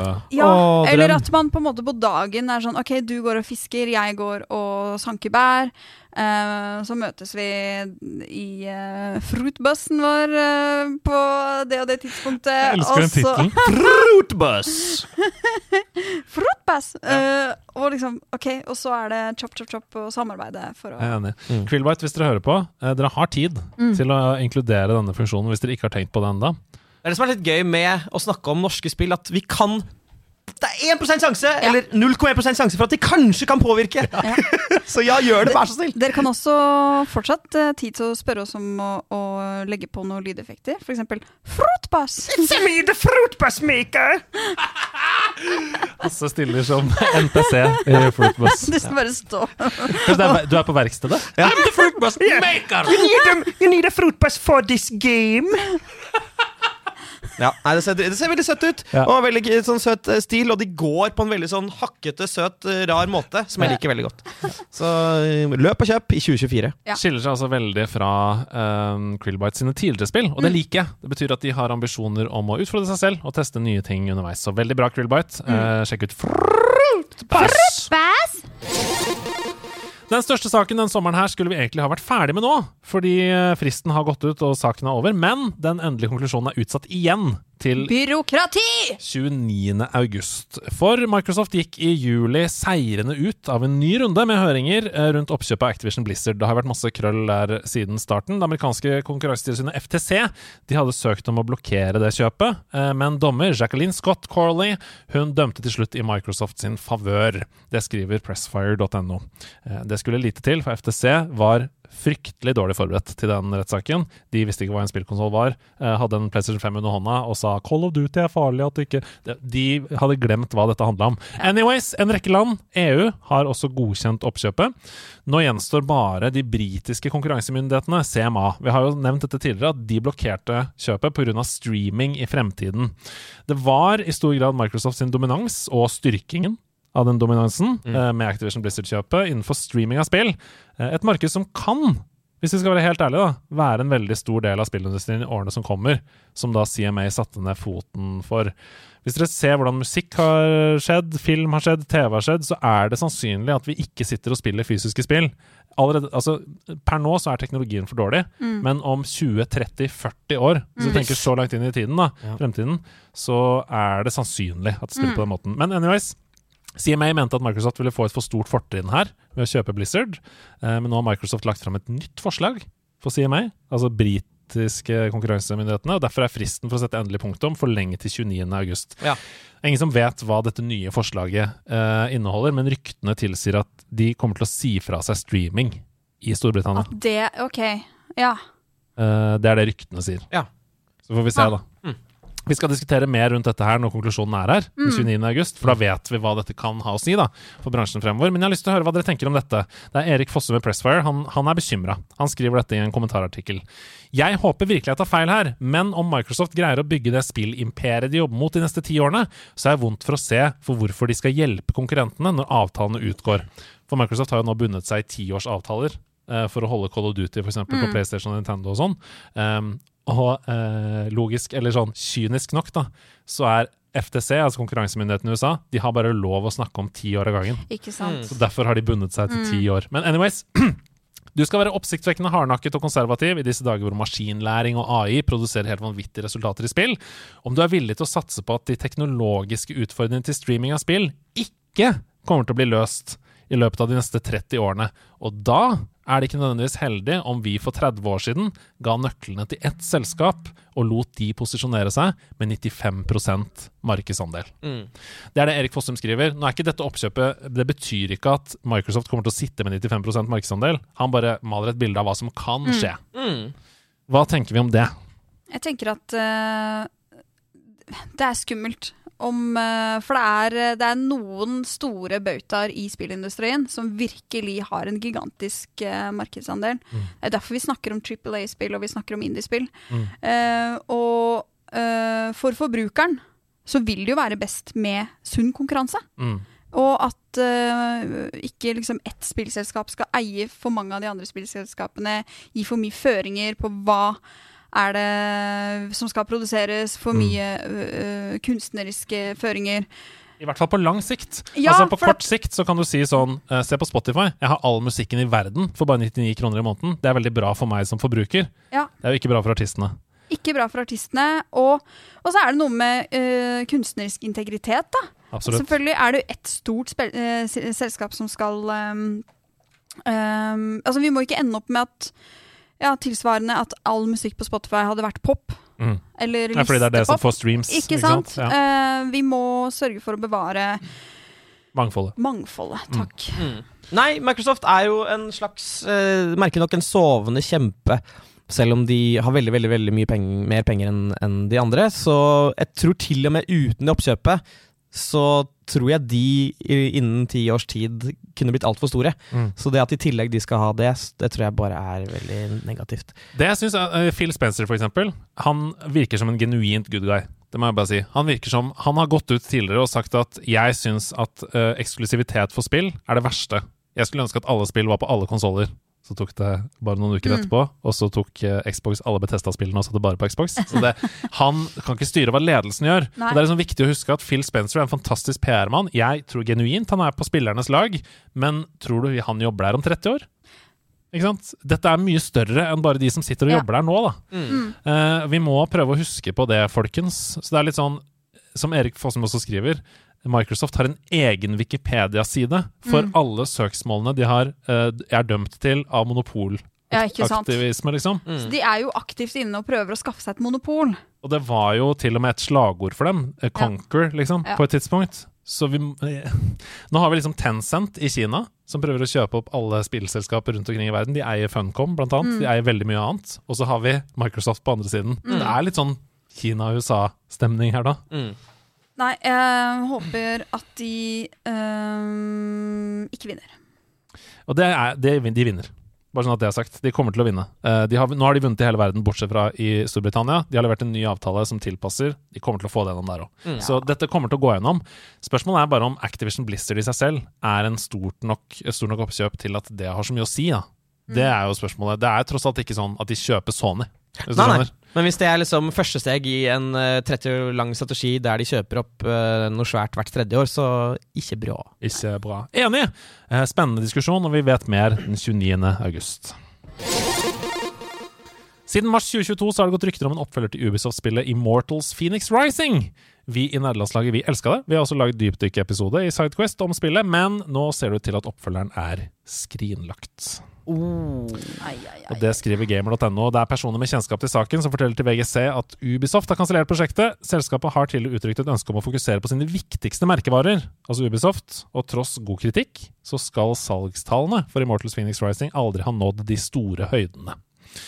Når det er sagt, så er jo Phoenix en slow burner. Eh, oppmerksomheten som det spillet har fått i etterkant av lansering Det er veldig mange som ikke kjøpte det til fullpris da det kom, men som har spilt det i ettertid, gjør at jeg tror at oppfølgeren kunne blitt en langt større, salgshit enn originalen. Den, gikk, eh, den ble lansert samtidig som andre storspill, og gikk litt under radaren. Måtte bytte navn fra Gods and Monsters pga. Monster, energidrikken, som saksøkte mm. Det var en del problemer der. Jeg tror liksom en oppfølger kunne gjort det bedre. Ja, Problemet der er at eh, når sånne spill blir eh, gitt ut av de svære utgiverne, så trenger de å tjene masse penger for at de skal gidde å lage ny. Mm. Hvis dette var et indiespill fra et selskap som hadde det og kanskje et, eller to spill til, så ville de laget et, nytt- et nytt et. Eh, så det beste der ville egentlig vært om de solgte det fra seg, og Ja. noen andre kunne lage det. Mm. Litt enig, altså. Men vi vet jo ikke hva de har takka altså, hva de har nedslått uh, Phoenix Rising til fordel for. Mm. Så det kan jo hende at det kommer en god nyhet på baksiden av dette òg, da. At uh, for eksempel OK, vi outsourcer det, vi selger rettighetene, eller noen andre som lager det, og hei, det kommer et sykt fett eh, Vet ikke. Rayman-spill. Ja. Det hadde vært helt fantastisk. Mm. Det er jo det alle ønsker seg. Eh, når det er sagt, så har vel uh, Ubisoft også vært ute og snakket at det kommer minst åtte nye Assassin's Creed-spill, eller noe sånt. Så ja. ja. Kanskje vi får en expansion til det første Watchdogs i stedet? Det håper jeg ikke not. En lekket video fra Twitter-brukeren Zubi-tech viser Sonys kommende håndholdte strømmekonsoll. Project Q, som den heter internt, ble annonsert for noen måneder siden og er akkurat det som den ser ut som. Det er en skjerm kobla til en PlayStation 5-kontroller. Du skal kunne strømme spill som du har installert på PlayStation 5-konsollen din, til denne, men det vites ikke om dette kun kan gjøres over wifi lokalt, eller om den også kan brukes wifi andre steder, altså utenfor hjemmets fire vegger. Alt for meg tilsier at det kun er hjemme, innenfor husets fire vegger. Men dette er ikke bekrefta. Det er bare sånn klok av skade, så regner jeg med at de ville ha skrytt av det per nå. ja. Hvis man kunne, altså Hvorfor skal du holde igjen den informasjonen? Nei, det gir ikke mening i det hele tatt. Eh, men eh, som sagt, vi kan verken be eller avkrefte det, så det kan hende at det kommer. Men hva tenker dere om dette? Jeg, jeg ser ikke helt uh, nytten. Jeg, jeg, jeg er en som uh, Helt klart, jeg har spilt mye håndholdt Switch hjemme. Men grunnen til at jeg eier en Switch, er jo fordi at jeg kan ta den med meg ut. Mm. Eh, ellers så hadde ikke det vært et, eh, på langt nær like attraktivt, eh, en like attraktiv konsoll for meg. Eh, og du eier ikke en, kjøper deg ikke en PlayStation 5 fordi at du skal sitte og spille det på en bitte liten skjerm. Mm. Nei, altså Det de sier, eller det forkjemperne for dette sier, er jo 'spill på denne når TV-en er opptatt', Ja, sier folk. Og det skjønner jeg, men det sa også Nintendo da de lagde Wii U. Det var poenget med gamepaden. Mm. Du kunne uh, spille på den, og så kunne noen andre se på TV. Så kunne du gå på do og fortsette, liksom, mens de andre så på TV. Drite. Funka ikke. Men det var jo også det, er ikke, det er ikke noe folk vil ha. Mm, men øh, ja, jo. Jeg er helt enig. det det kan, jeg tror, altså, de har jo prøvd to ganger før, uten at det slo an i det hele tatt. Eh, selv om det var ganske gode konsoller. Og de de kunne de til og med ta med det. ja, Og nettopp. spill på den. Nettopp. Eh, Så det jeg tror de gjør nå, er kanskje at de prøver å posisjonere seg som et litt annerledes selskap. eh, Altså sånn mellomannerledes selskap mellom Microsoft og Nintendo. At eh, ja, ja, eh, Nintendo holder på med sine greier. eh, Microsoft kjøper opp alle, men vi er litt sånn Vi kan leke oss med noen håndholdte greier, og vi er ikke Tror du det er bare sånn prestisjeprodukt? At Ja. liksom øh, De som har PlayStation 5, øh, de har de har kjempa ganske hardt for å få tak i en PlayStation 5. mm. Eh, de har kjøpt eh, de sinnssyke kontrollerne. De vil bare ha mer. Dette er pengesterke folk. Det er liksom litt sånn Apple-hype, Ja, da. jeg er litt enig. Jeg frykter at det blir veldig dyrt. Ja. Det er det første. Og så eh, er det noen i, i chatten på Twitch her, hei til deg, eh, vel Kator, eh, sier noe veldig godt poeng. Det er jo mange flere TV-er i hjemmene til folk nå enn det var da Wii U kom. Ja. Og det er jo fordi eh, prisen på eh, TV-teknologi har jo tanka helt. Så TV-er er ganske billig. Um, så at folk gjerne har to TV-er i husholdningen, det tror jeg er ganske normalt, Ja. egentlig. Så jeg vet ikke hvem dette produktet er for. Og Nei. hvis den kommer til å koste 3000 kroner, liksom, og du skal spille PlayStation 5 på, seng på senga Da kan du kjøpe deg en Switch i stedet. ja, Dette kommer til å gå dritt, Sony. jeg Hvis dere hører på, å- det er 0,1 sjanse for at dere hører på og lar dere påvirke. Hør på oss. Vi tar med kjapt at Final Fantasy 14 kommer til Xbox til våren, så nå kan Microsoft-fans også ta del i den online-opplevelsen. Før vi går inn i værmeldingen. Denne høsten her blir jo helt bananas. Ja. Det er så mye som kommer. Vi, har, vi må søke om utvida døgn, tror jeg. Ja, Absolutt. For dette går ikke. Vi prøvde å lage en sånn liste uh, i et Google Doc over hva vi skal anmelde denne høsten. Det kommer nesten et storspill hver eneste uke frem Ja. til jul. Det blir voldsomt og gøy. Og uh, folkens, finn din sjanger og utfordre deg selv på andre sjangere. På torsdag smeller det for alvor. Larian plukker opp stafettpinnen og leverer en ekte Balders Gate-oppfølger! 20 år etter det forrige spillet! It's time! Det er Balders Gate 3, og det er jo verdens beste RPG-selskap som utvikler det. Det er jo Larian, selskapet som har lagd Divinity Original Sin, som ligger på topp av alle RPG-spill i verden. Bedre enn Dave the Diver. Eh, ja, kanskje. Oi. Ja, vi får se. Kanskje vi får se. Det blir spennende. Ja. Jeg tenker uansett at um, dette spillet har nå vært i beta i tre år, Ja. nesten. De har finpussa, finpussa, finpussa, jobba med det, tatt feedback fra spillerne. Jeg kommer ikke til å gjøre noe annet jeg fra torsdag av. Jeg skal anmelde det. Hvilke konsoller kan man spille nye Balderscape Gate på? Jeg tror man burde spille det på PC, altså. De aller fleste sier sånn ehm, eh, Mus og keyboard er en mye bedre opplevelse enn på konsoll, men det Mm. kommer på PlayStation 5, eh, og det kommer på Mac og på PC. Oi. Så um, du kan spille på PlayStation 5 også, men ja, jeg anbefaler å spille det på PC, eller med mus og tastatur da, til PlayStation, hvis du er en sånn person. Mm. Det finnes jo folk som har det også. Hvis du er en sånn person. It's time! It's a time! Mitt navn er Andreas Hedemann, og dette her, det var Nerdenytt. Hjertelig velkommen til Norske spaltenter! Hjertelig velkommen til Norske spaltenter, tidenes første interaktive utslagsbaserte podkastspalte i en norsk spillpodkast. I Norske spaltenter skal nemlig hver uke både vi i redaksjonen av Nerdelandslaget og du der hjemme som hører på denne podkasten, være med på å avgjøre hva som skal bli en fast spalte i Nerdelandslaget i neste sesong! Og Norske spaltenter fungerer på denne måten. Det er en spaltekonkurranse der vi hver uke tar med oss en ny idé til en spalte som vi har lyst til å teste ut. Og så gjennomfører vi den spalten og ser hvordan det går. Ja. Det kan være en spalte som vi har funnet på, men aller, aller, aller helst så er det en idé til en spalte som du som hører på, har sendt inn til oss i Nederlandslaget. Så begynn allerede nå. Send din idé til en spalte i Nederlandslaget til nederlandslaget.gmail.com. Send det som DM på Instagram, DM på Discord, hvor som helst. Det trenger ikke være komplisert. Det kan være så enkelt som dette her, at du skriver hva med konkurranse der hvor dere skal høre på et intervju om spill, og gjette på hvilket spill det snakkes om? Ah, det var egentlig en god idé. Ja, idé. Det kan vi ta neste gang, hvis du vil. Så det trenger ikke være vanskeligere enn det. Send inn til oss. Og så, mot slutten av denne sesongen av Nederlandslaget, så gjennomfører vi en undersøkelse i vårt community der vi kommer frem til topp åtte av spaltene som har vært gjennom norske spaltenter i denne sesongen. Elsker den tittelen. Norske spaltenter. Ja. Uh, og disse går så inn i en slags utslagsrunde, der vi til slutt står igjen med én spalte, som er vinneren av Norske spaltenter 2023, og som blir en fast spalte i nederlandslaget Ja. våren 2024. Og denne tittelen på altså Norske spaltenter, Dette er jo noe Stian har kjempet for veldig, som en slags promo til norske talenter. Og det er kynisk, men greit. Og først ut i Norske spaltenter, ta vel imot programleder i nederlandslaget, låtskriver, musiker, artist og levekvinne, Ida Dorthea Horpestad! Hei. Velkommen på scenen her i Tusen Norske takk. Tusen takk. Du har tatt med en spalte som du kaller for Spå på ring. Den kaller jeg Spå på ring. Fortell. Nei. Ja. Eh, jeg har da laga en spå. Som eh, vi skal bruke for eh, å spå inn i framtiden din, eh, Hasse. Meg? Ja! Oi. Dumme lille meg, ok. Ja. Så eh, dette er altså spalten Spå på ring. Du har Ja. laget en spå der hvor Hasse kan velge mellom ting. Eh, jeg har laget en spå som der Hasse skal velge mellom ting som jeg har skrevet på spåen min. Eh, dette vil da resultere i et spill som finnes i din framtid. Og så skal du fortelle oss om dette spillet. Ok. Så mine kreative safter må begynne å renne. Yes! det er bra. Det Fortell. er litt krevende. Fortell om de forskjellige kategoriene som er. Ja. Eh, på ytterste laget så har jeg eh, da brukt eh, litt forskjellige sjangre. Eh, vi, vi går gjennom hva det står på de forskjellige lagene. På innsiden så har jeg skrevet eh, f.eks. Eh, hvem som er hovedkarakter, eh, eller et navn, navn på spillet, eller f.eks. Eh, hvor det er. Og helt på innerste eh, ledd eh, så sier det noe om eh, hvordan det skal eh, pitches.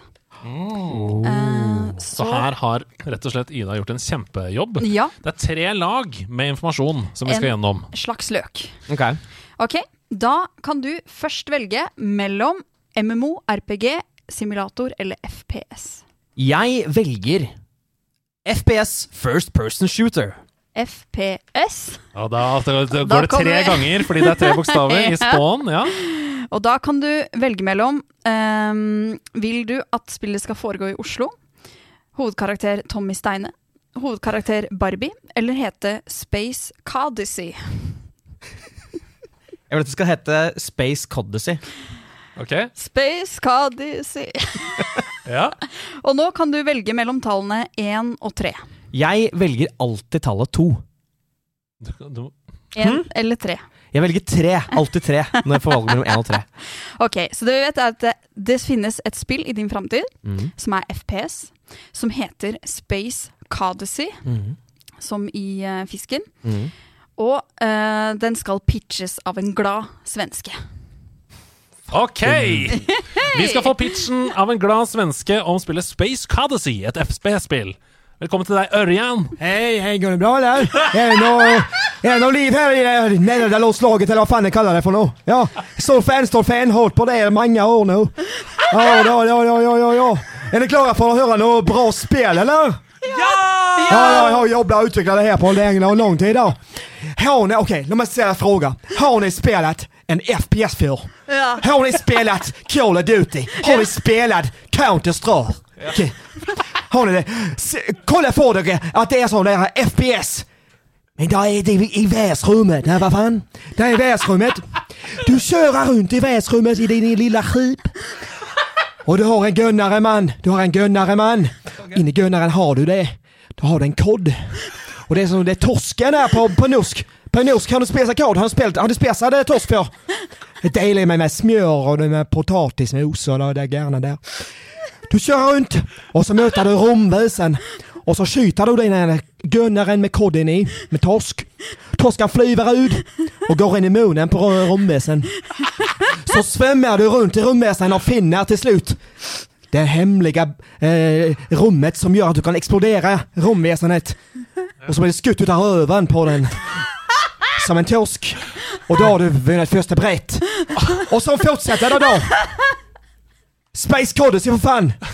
Du skyter torsken i romväsendet Og kommer ut av röven på dem. Ja, jeg, jeg, jeg kjøper det. Tusen takk. Space Codacy. Ørjan, Ørjan, takk til deg. nydelig! Dette er en slags karakter Du, Jeg elsker Ørjan. jeg elsker Ørjan. Bør utvikles videre, denne karakteren. Eh, veldig bra. Har du gjort noe sånn på svensk gladfyr før? Nei, jeg har, jeg har ikke det. Så Men han var her egentlig kanskje ikke så glad, egentlig heller. Nei, nei, han var mer gira. eh, intens Ja. og, og jævlig. Eh, men han kommer dere til å få møte mer Ja, i denne det spalten håper jeg. fremover. I Det er denne deilig. Ok, Spå på ring. Dere har fått den første spalten eh, i Norske spaltenter. Send inn spalter til oss. Vi kommer også til å lage våre egne underveis hvis dere ikke er flinke nok til å komme på gode spalter. Ouch. Men som sagt, terskelen er lav. Eh, spå på ring eh, har sett dagens lys.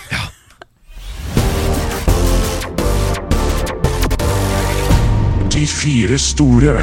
Det stemmer, vi har ikke kassert De fire store, som var en ny spalte forrige sesong, fordi dere ga så mange fine tilbakemeldinger på at dere syntes det var hyggelig å få tips til ting å lese, ting å se på, ting å høre på. Eh, ting å bære i en gammel skog og gå ned og ha med seg motorsag og sage fire trær før de faller ned. Altså, det var uh, Det var nydelig improvisert. Kan du eh, skille ut den lyden og legge ut på Discord? Nei. Nei. Um, hva er det du eh, har med i de fire store, Hasse? Du, i dag eh, Dette er litt inspirert av eh, Oppenheimer. Jeg må bare slenge til en ting. ah, ja. Sånn at folk vet det, for jeg har skrevet i notatene her, og dette ble sagt i vårt årlige sommerworkshop, så det er viktig respekt til den som sa det den gangen. Det kan være humor her også, i framtiden. Det kan Ja. være f.eks. de fire store sykdommene for å kunne være hjemme og spille spill. Hva er de fire beste sykdommene som gjør at du fortsatt kan spille? Så Ja. til alle som hører på, det kommer til å, vi kommer til å utfordre dette formatet litt. Ja. i løpet Nå kommer sesongen. folk til å være sånn Å, yes, nå kommer det humor og tull og fjas og drit. Og så kommer jeg med en sånn seriøs liste. Hæ? Men, Ja. men eh, Men vi elsker listene dine. det elsker jo listene mine. Det Ja. vet jeg. Dette er inspirert av eh, Oppenheimer-filmen, Ja. som jeg skal se i kveld. På 70 millimeter. Har du ikke sett den ennå? Nei. IMAX. Eh, 70 millimeter på IMAX. Cinemateket. jeg valgte det foran uh, Imax uh, Ja. på Odeon, Skjønner. eh, fordi jeg er filmhipster. Ja. Um, og eh, Oppenheimer er jo en så, såkalt biopic. Ikke gå ned i underbuksa, Nei. vær så snill. Jeg er langt oppe. Du er langt oppe i underbuksa di. og det vil jo si at det er en film om et faktisk levende menneske som har levd. Og derfor skal jeg gi dere de topp fire biopics. Åh, det er en god liste. En slags tips. Ja. Topp fire filmer om mennesker som har levd. Ja. Biotips. Ok, greit. Ja. Kan, Fark, kan du uh, isolere den lyden og lage det til en sånn greie jeg har på paden? Ikke ha det på paden, vær så snill. Um, vi, vi begynner med filmen uh, The Right Stuff. Ja, The Right Stuff.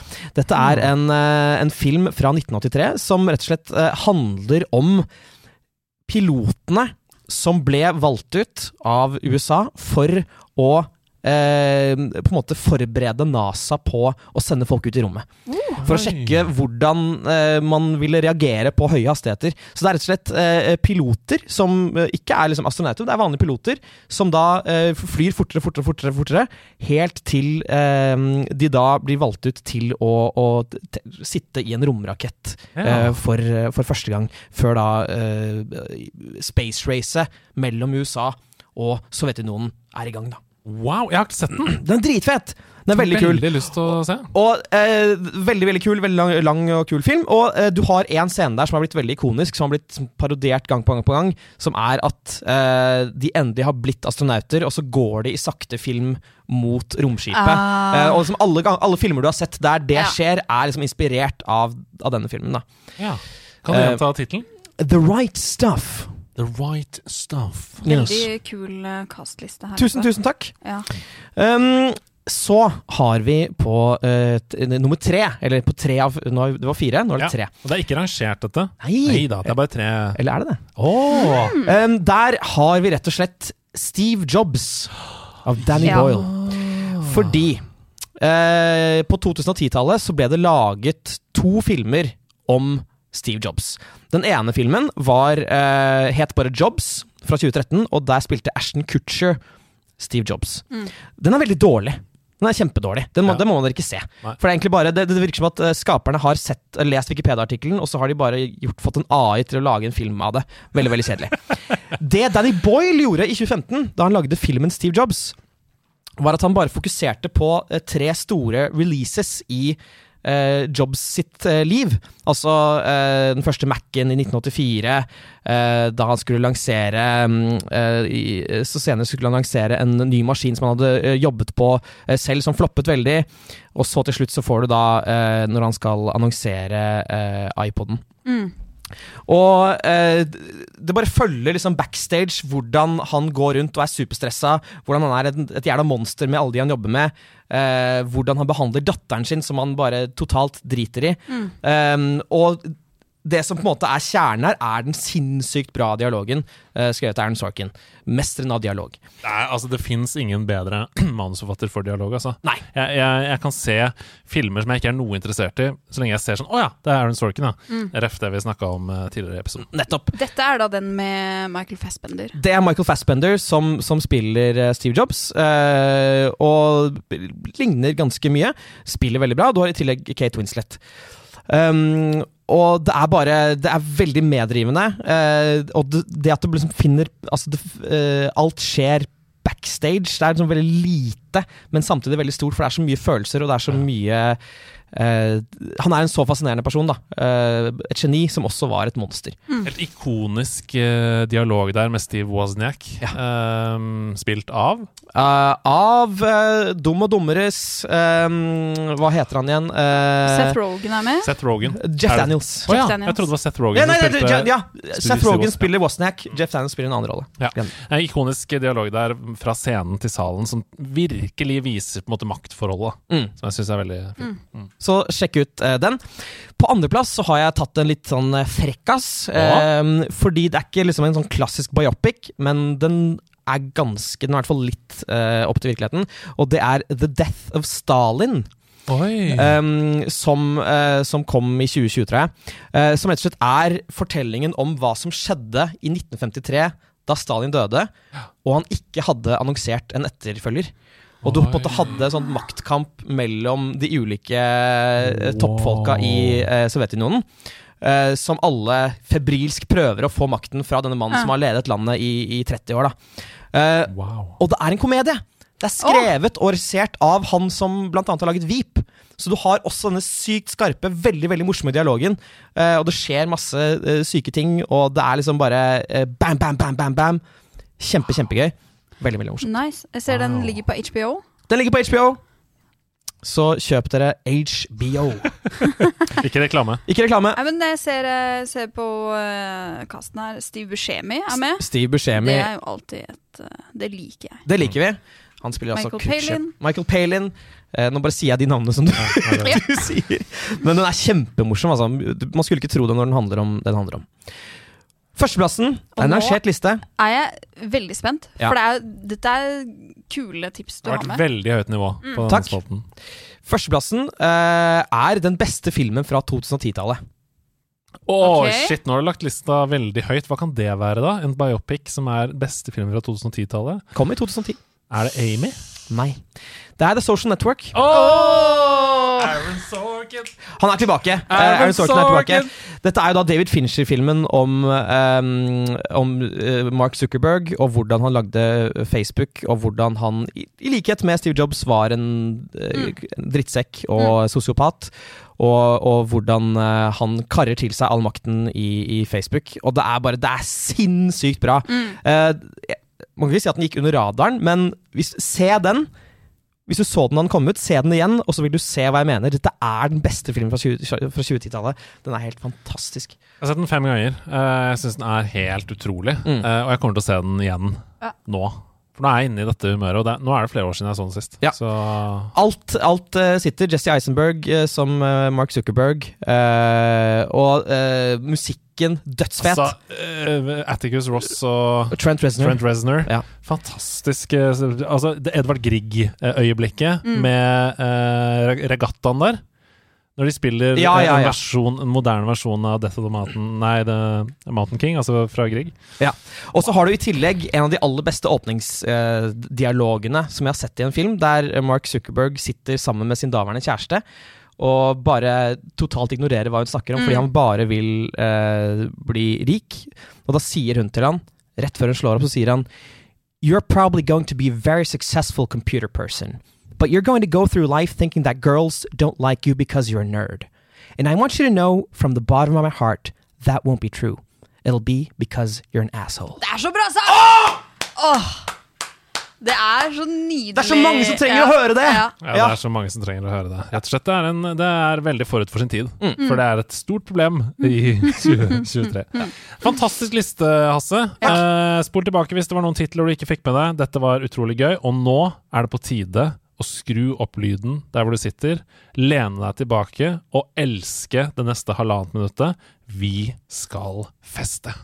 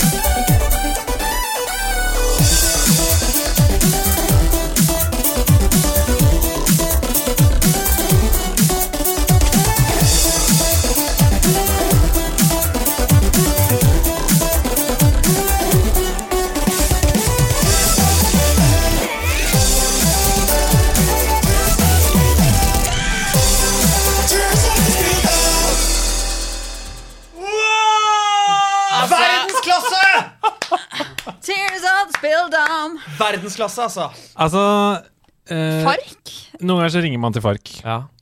eh, som produsent, da. Og så spør man sånn Du, vi har en ny spalte som heter Tears of the Spieldom. um, det er en veldig tullete tittel. Uh, den Det er en være veldig litt god tittel. Det skal være litt sånn og sånn. Har du noe inspirasjon? Ja, vent litt. Rann. Ja, vent litt. Rann. Og så får vi dette Det er helt rått. tilbake! Det er helt rått. Wow! Tusen hjertelig takk, Fark. Vi skal ikke spille av hele denne sangen hver gang, men det er jo, dette er jo en låt, liksom. Dette er en låt. Tears of the Spieldom. Uh, I den splitter nye konkurransen Tears, som i nivåer uh, of the Spieldom, Oh yeah! så skal vi hver uke fram til et årstall. Stemmer. Og konkurransen den er delt inn i nivåer, eller altså tiers, om dere vil, der det begynner vanskelig, og så blir det enklere og enklere. På hvert nivå så får dere ett hint. Det hintet det kan være en lyd, det kan være en hendelse som skjedde i spillverden det året, eller det kan være et konkret spill som kom ut det året. Og dere må jobbe sammen, Hasse og Ida, og bli enige om et årstall. Det er med andre ord uh, veldig mye rom for diskusjon i denne spalten. Dere kan snakke om sånn Ja, hva var det, når kom det? Det var sånn og sånn. Dere kan hjelpe hverandre her. Klarer dere å komme fram til riktig årstall på øverste nivå, så får dere tre poeng. Oi. Klarer dere å komme til fram til riktig årstall på nest øverste nivå, så får dere to poeng. Og på nederste nivå så får dere ett poeng. Kan poengene løses inn i penger? Uh, ja, Ok. det kan de. Du kan få penger av meg. Å, Men nice. det er en kicker her. Hæ? Å, Ok. For når dere velger å svare, så har dere låst svaret. Mm. Ja. Med andre ord, velger dere å gamble på tre poeng og svare på det nivået, så får dere ikke svare mer. Uh, derfor er dere nødt til å være helt sikre når dere svarer, og heller be om flere hint eh, dersom dere er usikre. For null poeng, det vil ingen ha. Nei. Null penger, Null null poeng poeng. Nei, det- det- vil ingen ha. Så vi skal altså frem til et årstall, og vi begynner på tre poeng. Og her er det jo deres dialog da, som er på en måte hovedpoenget, men her kommer det første hintet. Og vi skal frem til et årstall der den ellevte utgaven av E3 ble avholdt i Los Angeles. Ikke lov å google. Nei, nei. Og det var ikke bare Nintendo som viste fram sin next gen-konsoll på messen dette året. Det gjorde også Sony og Microsoft. Så vi skal altså frem til et årstall der den ellevte utgaven av E3 blir avholdt, hvor Sony, Microsoft og Nintendo viser fram sin next gen-konsoll. For tre poeng Ok. er dette hintet. Ok. Da må vi jo tenke på eh, når disse eh, selskapene har gitt ut konsoller. Um, og så trekke fra noen år fordi dette var da de ble annonsert. Jeg tenker da, vi, vi skal kanskje ett år tilbake, da, fra det ble annonsert. For eksempel, ja. Kan det være da We ble, ble We og Xbox annonsert samtidig? Skal vi se. We kom i 2006. Mm. Så hvis det da er typ 2005-2004 eh, Xbox, Første Xbox kom i 2001. Ja. Eh, Xbox 360 kom også i 2006. Ah, Mm, det, er ikke, det er ikke umulig, det. altså Det er ikke mulig det PlayStation 2 Nei, ikke 2. 3. 3 Kom kom i 2006. Ikke sant? Ja. Er vi i 2005 da? Kanskje vi er 2005 eller, eller fire. Mm. Men Og du også er det den 11. E3-en, da. Ja. Som vi trekker fra 11 igjen. Mm. Og da får vi i så fall eh, 1995. At Ja, E3 starta i 95. Nei, mm, ja. Mm, mm. Nei, men hvis, hvis svaret er 2005, så blir det jo 1994. Ja, nettopp. OL-året. OL-året. 1994. Er vi sikre nok til å Nei, jeg låse oss? jeg jeg, jeg, lyst å Og så er det, jeg er nysgjerrig på hva de andre hintene Mm. er, men får man vite hintene etter man har svart? Absolutt. Så får ja. vite hintene etter at dere har svart. Men Ja, vi, jeg tror vi skal be om et hint til. Ja, men jeg tror vi etter det hintet, da tror jeg vi Da- har ja, det. jeg har litt- Jeg ser for meg at denne spalten her, så er det liksom sånn Det skal være vanskelig. Mm. Så jeg ser for meg at uh, å få, få med seg ett poeng, da. Ja. For uh, allerede nå så har Paper lagt opp på nettsiden Ja. en oversikt. Uh! Det, det ligger der med bakgrunnsart, og det er klokker, og det er ti, altså årstall og Tears of the Spieldom og sånn. Og der blir vi liggende med poeng, alle sammen. Oi. Så det er veldig viktig for totalen her. Ikke sant? Så jeg, jeg støtter å ta et hint til. Mm. Ja. Her kommer hintet for to poeng. Her er hint for to poeng.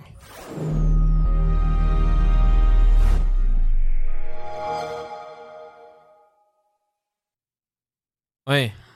Åh, hvilket um, Um, Vi kan få det en gang til. Ja.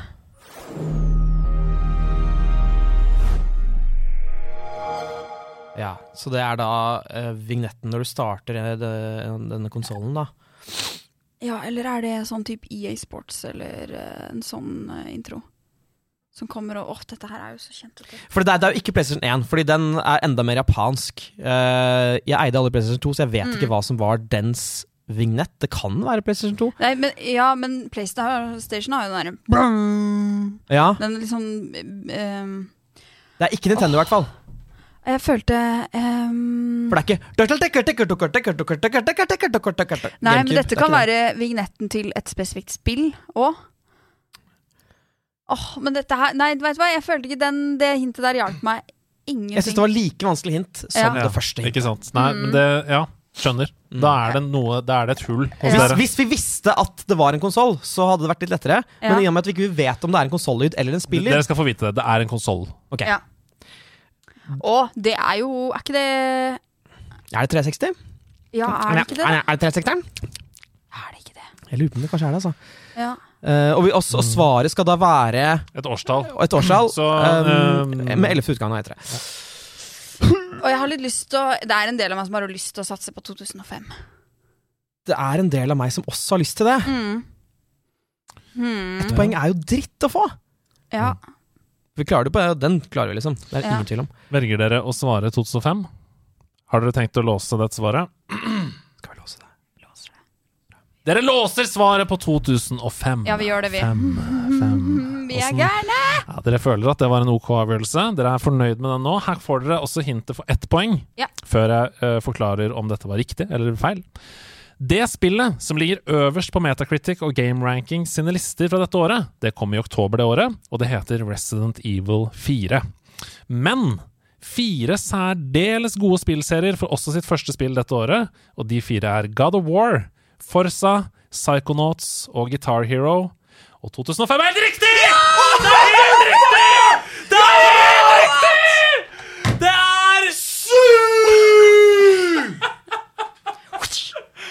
Det er to poeng! I Dos. Første Tears of the Spieldom Dos pointos. har dere med dere to poeng inn i totalen. Der Eh, vi godt, mann! can you hear me, Seb? Can you hear me, Blipp? Can you hear me, Andreas Ja. Hedman? jeg, jeg gruer meg til å ta opp denne Ja, det er hansken. bare å grue For seg. det var utrolig bra jobba. Gratulerer. To poeng Tears of the Spieldom. Vi skulle til 2005, og denne spalten, den hører vi igjen. Oh, Ah, ja. Og den vignetten hører vi igjen. Den hører vi også igjen. Men vi hører ikke den vignetten nå, for nå er det korktavlevignetten. Ja. Eh, vi kommer aldri til å slutte med korktavlen. Det er altfor hyggelig å snakke med dere som hører på denne podkasten. Og her kommer det første spørsmålet. For en tid tilbake så ble spørsmålet mitt tatt opp i podkasten angående Pokémon Go og Pokémon som er låst bak betalingsmur. Kapteinene virket ikke helt overbevist om at det var tilfellet, men her har jeg et eksempel. Det er litt irriterende for completionisten i meg at det skal være sånn. Jeg bruker gjerne litt penger på noe jeg syns er gøy, men jeg syns det er teit at man blir gatekeepet fra å catch them all. Det er Myonix som har skrevet inn det her, og her er et screenshot hvor det står Pokémon Go Fest 2023 Global Ticket. Og da er det sånn A ticket to access special research. Uh, the special research leads to an exclusive encounter with the mythical Pokémon Diancy. Og det koster da 169 kroner Det syns jeg er mye. for å få tilgang til Pokémon Go Fest 2023. Jeg synes det er mye. Dette er en litt større diskusjon. Fordi uh, vi har jo sagt tidligere at uh, f.eks. free to play-spill, som, eh, hvor innholdet etter hvert kommer bak betalingsmur, syns vi er helt greit. For da kan du teste det, sjekke om du liker det, og hvis du liker det, så kan du betale litt for å få mer innhold. Ikke sant? Men akkurat Pokémon er jo på en måte mynta på en slags følelse av nettopp catch them all, sant? Og det ute i Jeg vet ikke, det føles som noe sånn eh, gatekeeping av barn og sånn, hvis du skjønner? At det er sånn uh, Du er ikke kul hvis du ikke har alle Pokémonene, føles det litt som når man er barn. Og her er en av de legendariske bak 169 kroner.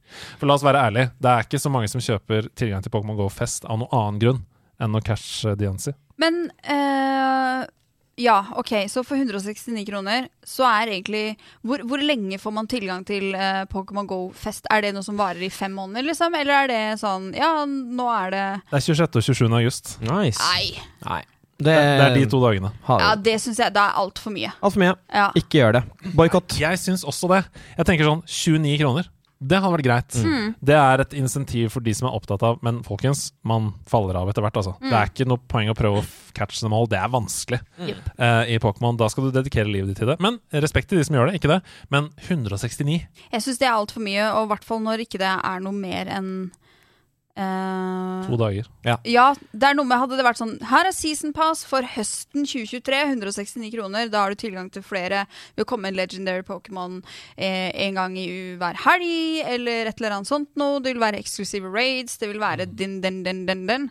Da får du eh, Nå kjøper du egentlig bare en eh, Åh, hva heter det? Sånn uh, digital kunst eh, Ja, NFT. det-. Ja, det er liksom, du kjøper på en måte bare en NFT som veldig mange andre kjøper også.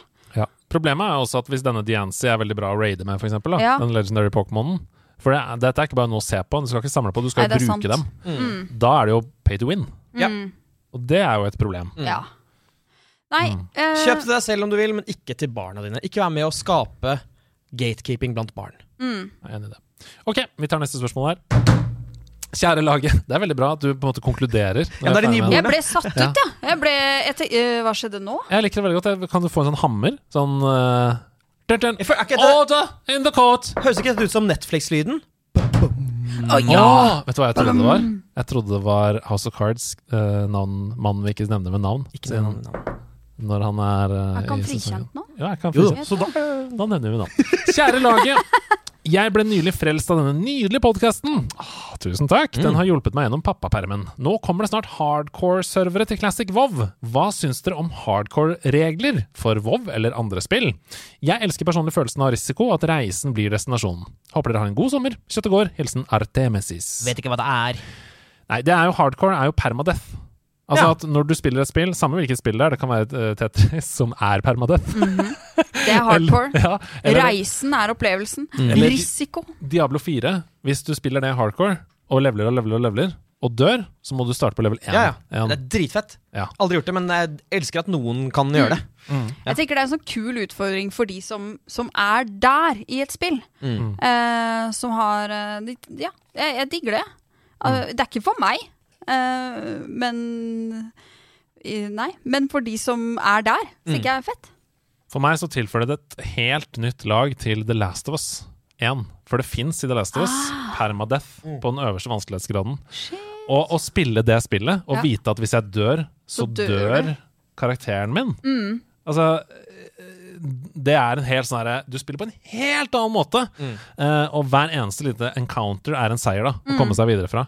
Så, um, og det er et ganske kort spill også, egentlig. The Last of Us 1. Eh, så og hvis du elsker det spillet og har lyst til å utfordre deg selv, spill det på hardcore, for det er en helt annen opplevelse. Det, Ja. det føles som å være i en postapokalyptisk verden, og alt er farlig. NL støtter. NL støtter! Det er, det, det, det er, sånn det er bra i dag, altså. Shit. Uh, men hvorfor er det ikke for deg, Ida? Øh, jeg øh, er Jeg øh, kan Jeg har ikke opplevd å spille så mye et spill øh, til at jeg er kommet dit, da. Nei. At jeg Det holder for meg å bare komme meg igjennom. Ja, ja. Jeg er ikke så sykt god Jeg er ikke, vet det, jeg er ikke så sykt god gamer. Eh, men så for meg så Og så er det så mye jeg har lyst til å spille. Eh, men Det er flere spill du er klart best av alle oss her i, Så kom ikke Sånn her. jeg sagt. Ja. Tetris. For eksempel. For eksempel. Bare Du pisser på alle oss. Nei. Men, eh, men, eh, men jeg digger konseptet. Og jeg tenker eh, jo, kanskje det er for meg på et eller annet tidspunkt. Ja, jeg, jeg, jeg ser for meg sånn Det presset Mm. er ganske Det tar vekk For noen så tar det vekk noe av det å kose seg med spill. Mm, For Mm, ja. det ligger over deg hele tiden, liksom. Så lenge det ikke er en, noe du må gjøre, men at det er et valg, da. At det er et kan, du, du kan det. Mm. Hei, laget! Jo eldre jeg blir, jo mer glede finner jeg alt rundt og utenfor den faktiske spillingen. Med det så mener jeg å lese nyheter om kommende spill, diskutere nye og gamle spill med kompiser, lese om taktikk og builds på forum, og ikke minst høre dere snakke om spill på podkasten. For meg så har dette blitt en minst like viktig del av nerdekulturen som det å faktisk holde i kontrolleren selv. Hva med dere? Er dette noe dere finner glede i òg, eller er det bare jeg som har blitt gammel? Hilsen Motimon. Jeg syns det er så mye motivasjon, jeg. Det, øh, motivasjon, Du trenger ikke motivasjon for å spille sånn, men jo, det er liksom noe med det som hjelper til å holde spillgleden oppe, da. Det er litt som med musikk. Jeg elsker jo å snakke om musikk og band man liker, sammen med andre som liker de samme bandene, eller få tips og sånne ting. Det er jo det samme med, med spillkultur. Eh, det, noe av det første jeg gjorde da jeg kom på jobb i dag etter sommerferien, var bare sånn derre OK, hva har du spilt i sommer? Hva vil du anbefale? Hva, altså, bare få ut Uh, Jeg syns det er supergøy. Mm. Ja, og ikke minst sånn, altså, det, beste, føler jeg, er sånn når du har hatt en skikkelig skjellsettende spillopplevelse Mm. der du blir sånn genuint eh, Det river i, i hjertet ditt. Sånn som for eksempel, jeg husker da uh, Last of Us 2 kom, og jeg liksom hadde min første samtale om spillet med Andreas uh, Hedemann fra Nerdelandslaget. Eh, og liksom du bare kan få høre at andre har hatt den samme opplevelsen eh, i forskjellige sekvenser av spill og sånn. Det, det gjør det så mye rikere, da.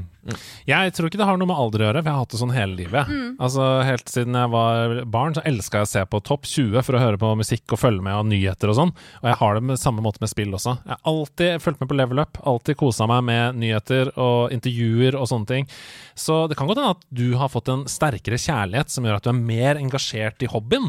Men jeg tror ikke det har noe med alder å gjøre, selv om det er jo litt sånn hva skal jeg si, fordom da, at jo eldre menn blir, jo mer er det liksom garasjen og Nei, men det, hobby og vet du det tror jeg handler mer om Jeg støtter det. Altså. Eh, Det handler, i hvert fall for min egen del eh, Nå er jo jeg tusen hobbyer, men det der med å ha mulighet å ta seg tid og liksom prioritere og virkelig liksom erkjenne at jeg digger dette. Og da skal jeg bare bade i det.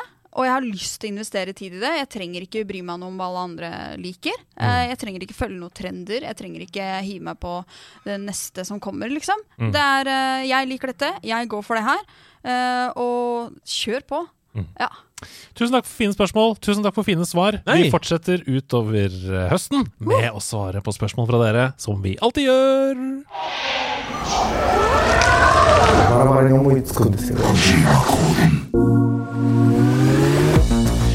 trodde det var over! Du trodde det var over nå. Er det ikke noe mer Kojima-kode å få?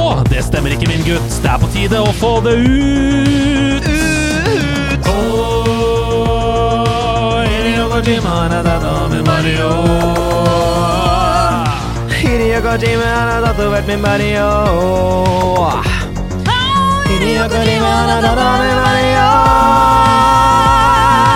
Hideo Kojima, tatt med Mario. Kojima-san, kommer aldri til å pensjonere Kojima-kodens kraft. Eh, I hvert fall ikke enn så lenge. Jeg tror du må autotune den vokalen min i dag. Det var eh, ikke så bra. Nei, Det er opp til deg å be meg om å gjøre. Vi skal uh, inn i Kojima-koden. Og det er sånn at uh, jeg, jeg sier at vi ikke kommer til å pensjonere den, men Hidio har vært forbanna den sommeren her. Hæ? Hidio har uh, sendt oss eh, en slags telepatisk signal. Han var inni min body, det var veldig ubehagelig. Ja, det skjønner jeg. Hvor han var helt tydelig at det må være mer intrikat. Han sa det rett ut. Hidio Kojima fornyer seg alltid. Ja. At dere ikke fornyer dere, gjør at min bodys energi holdes tilbake av Det er dere. skarp kritikk, Det er men også hardt et meldt. samfunnsansvar vi på en måte må ta på alvor. Ja, og så er det sånn at jeg tok da og øhm, øh, snakka øh, Altså, jeg snakka med deg, Hasse. Mm. Jeg sendte melding og sa hva kan vi gjøre med dette? Du er den eneste som snakker japansk i redaksjonen. Ja. Eh, og, så, og så tok du kontakt. Ja, jeg lot som at jeg var overrasket over det du sa nettopp, eh, men det var jeg ikke. For jeg, jeg har jo da faktisk vært i kontakt med, med Kojima Det har du. og tatt en liten prat med han. Ja, du, har laget et lite, Diplomat. du har laget et lite intervju, rett og slett. Og vi skal nå høre på det intervjuet, og så skal vi stoppe etter spørsmålene, og så kan du forklare hva det er dere snakker om her, da. なぜ今そんなに怒っているのですか まあ、映画を作りたかったんですけども、まあ、なかなかそういう、まあ、映画に行ける道もなかった時期にですねちょっと大学生の頃なんですけど、えーファミコンが流行りまして Ja, hva var det dere snakket om der? Hva spurte du om? Hva svarte han? Eh, nei, jeg bare spurte Eller jeg, jeg merket veldig fort da jeg satte meg ned, at han var sint. Og at han eh, ikke var fornøyd. eh, og spurte som kjære Hidio, hva, hva kommer dette raseriet fra? Så sa han at han har fulgt med på, på spalten og syntes det var gøy i starten, men at det ble litt eh, At vi satte oss litt fast, da. Ja. Så han ville at vi skulle f- fornye oss. Ja. Her kommer neste spørsmål.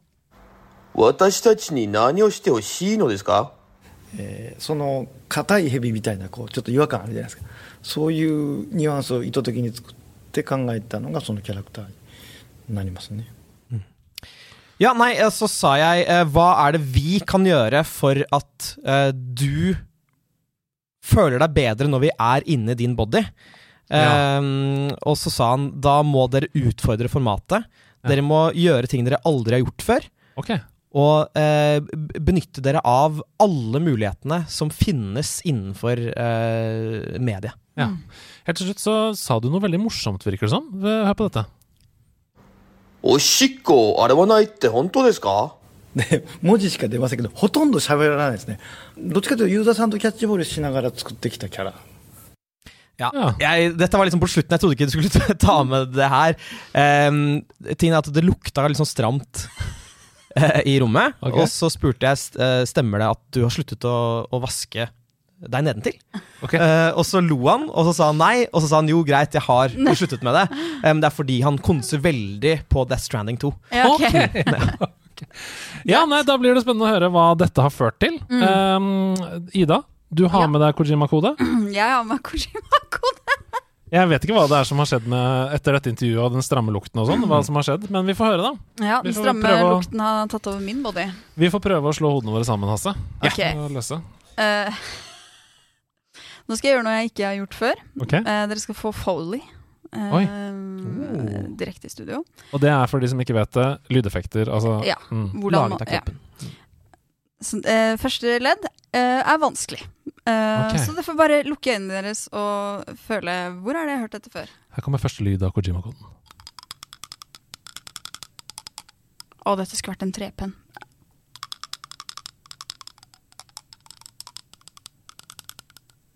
Ja, dette her var jeg dårlig på. Jeg Nei, dette er kjempebra. Nei, nei, nei, nei, det er noe der. Er dette et, et eller annet romvesen som lager en spesiell lyd? Jeg tenker på sånn der klikkelyd, sånn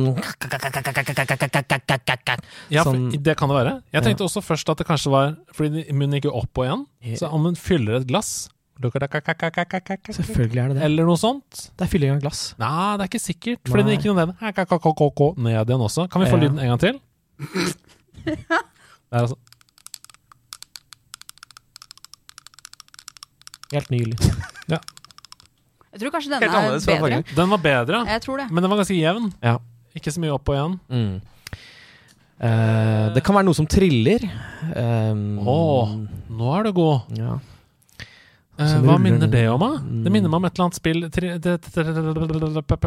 det kommer nedover. ja. Marbles. Jeg tror kanskje det er Marbles.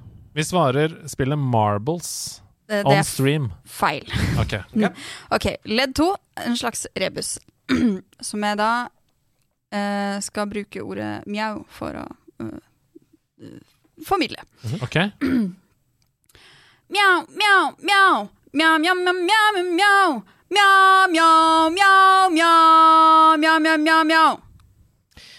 Det starter med Ricky Martins Go, go, go, allé, allé, allé fra uh, VM i 98. Ja. Kan det være Fifa 98? Jeg tenker sånn Mjau, mjau, mjau, mjau. Where's your head at? Where's your head at? Av Det eh, jo- Basement Jacks? Ja. Og så er det da katt. Ja, Det er helt irrelevant. Det er irrelevant med katt. Ja, det er irrelevant med katt, derfor jeg nå tenkte at det var noe sånn Ja, nei. eh, Ja. Kattman. Er det musikk fra Fifa 98, Catman liksom? John? Det kan kan være være, hvis det, hvis det er, hvis det er eh, fra Fifa 98, og så er det en takka, takka, takka, takka, taka. At det er Tikki Taka? Hvis det var Fifa 98. Det er feil. Siste ledd. Ok? Uff, Jeg syns synd om Vi dere. nei, vi Nei, nei, nei, nei, vi koser oss. Vi vi utfordrer ja, ja, formatet. bra, Vi utfordrer ok. formatet. Where's your head at? Og uh, Go, Go, Go, Ali, Ali, Ali. Ricky Martin, Basement Jacks. Husk det. A Great slam and then some. Great Slam and Then Some. A great slam and then some. Det høres ut som wrestling. Kanskje det er Wrestling 98? Ja. Hva, er, hva er den takka-takka-lyden i, i Wrestling 98? Vet jeg ikke. Great Slam? Eh, hvor er det man slammer folka? Oi, vent, da. Slam dunk, basket. Eh, men tikki, tikki, tikki, tikki, tikki, er det da å trykke veldig fort på knappene? Ja, det er det! Er det det det er? Kanskje det er OL 98? Altså det er Nagano-spillet? Ja, men dette er musikk fra samme år! Ja.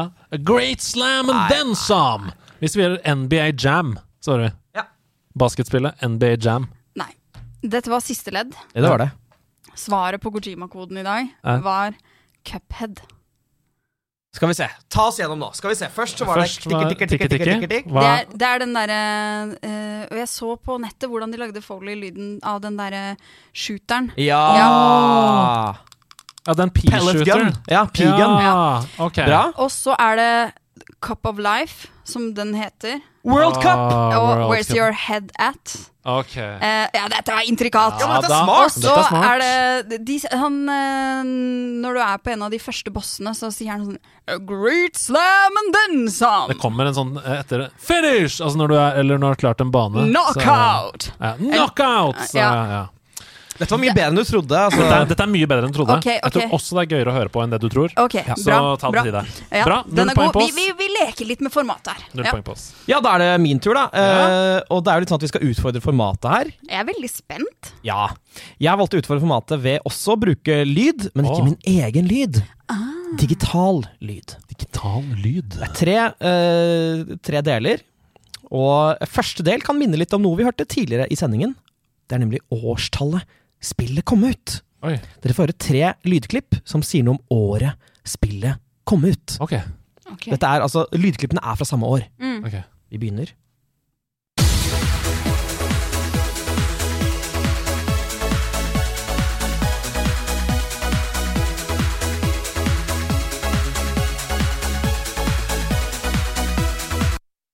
Dette er Det, det, det, kommer, tre- det kommer to til. Dette er innenfor samme. Oh, ja. Så har du denne. States like these and their terrorist allies constitute an axis of evil. Axis of Evil. Og så til slutt Den er tung, sier de kanadiske spillerne. Bare for å nære oss det, vet du. Ja, jeg tror nok det. Nå kommer han inn. Nå kommer han. Her kan det avgjøres. Hva skjer nå? Det er han i den norske. Nei, den går inn. Den går inn i sentrum. Kom ut! Kom ut! Norge har vunnet! Når Norge vinner OL-gull i curling i 2002 Å ja, ja, ja, ja, ja. i Salt Lake City. Ja, for dette er jo også en referanse Access of Evil eh, post uh, 9-11. 9-11. Så det var i 2002, det også. Ja. Og uh, grunnen til at dette er så gøy, er fordi jeg skulle si eh, Her blir vi lurt av musikken, skulle jeg si. For det høres ut som 90-tall, men det Mm. er tidlig 2000-tall. Men jeg kjente ikke igjen låta. Ikke Hvilken låt Og det, er det det? jeg bare vil si, er at disse Men hvordan visste du at det var tidlig 2000? Fordi det hørtes sånn ut på lydkvaliteten og sånn. ja, ja. Det som er hintet uh, her, er at uh, spillet var det mest selgende spillet året disse tre klippene kom. 2002. Ah. Ofte så er det jo spill som kommer sent i 2001, som blir det mest selgende spillet i 2002. For det kommer til jul, eksempel. Det kom i 2002. Ok. The Sims. Hmm. Ja, det kan det være. The Sims Er det én? Da var vi 14. Nei, det er for seint. Uh, The Sims 2? Ja. Det kan være det. Det kan også være Nei, Metal Gear Solid er for introvert. Ja. Eh, det kan være SSX. Ja. Men var ikke mm, Kom ikke Sims 2 i de tidene der? Nei, hæ? Men er det for seint for Sims 1? Jeg tro, jeg tror det. 2002? Da var jeg 11 år. Jeg må ha vært yngre enn 14 første gang jeg så Må du det? Sims. Jeg vet Må ikke. Men eh, kan vi få neste ledd? Ja. Ja, neste ledd er voice lines. Mm. Ok. Interessant. Hvis det er zoot zoot, så er jeg Jeg er veldig klar. Nå kommer voice lines. Who does that guy think he is? Now I gotta dress like a chump as well as hang out with them? I like this shirt. As soon as we're ready, I can send the fake crap up north. What's that guy think this is? Some free art crap? Jeez, like anyone ever watched movies about fish? Greta San Andreas. Ja. 2002. Ja. Det Bankers. må vel nesten være det. Er det flere voice lines? Nei. Jeg har lyst til å svare GTA San Ja, Andreas. jeg- Eller jeg- Vice City. Nei, vent da. This Shirt. Vice City. Altså, dette er GTA er ikke min Det er ikke min sfære. Jeg har null peiling. Vet du hva? Det er Vice City. Tror du det? San Andreas kom senere. Ja, ok. Eller er det GTA 3? Er det for tidlig med Vice City? Kom det i 2004? Ny karakter, ny karakter. Jeg husker ikke. Eh, vi svarer vi svar, Det er for tidlig, men vi svarer en Voice City. Ja, vi svarer Voice City. Er basert på Fredrikstad, vet du. Basert på Fredrikstad. Ehm, hvis jeg sier at hint tre er en uh, TV-serie-jingle som har det samme ordet i seg Ja, det er GTA Voice City!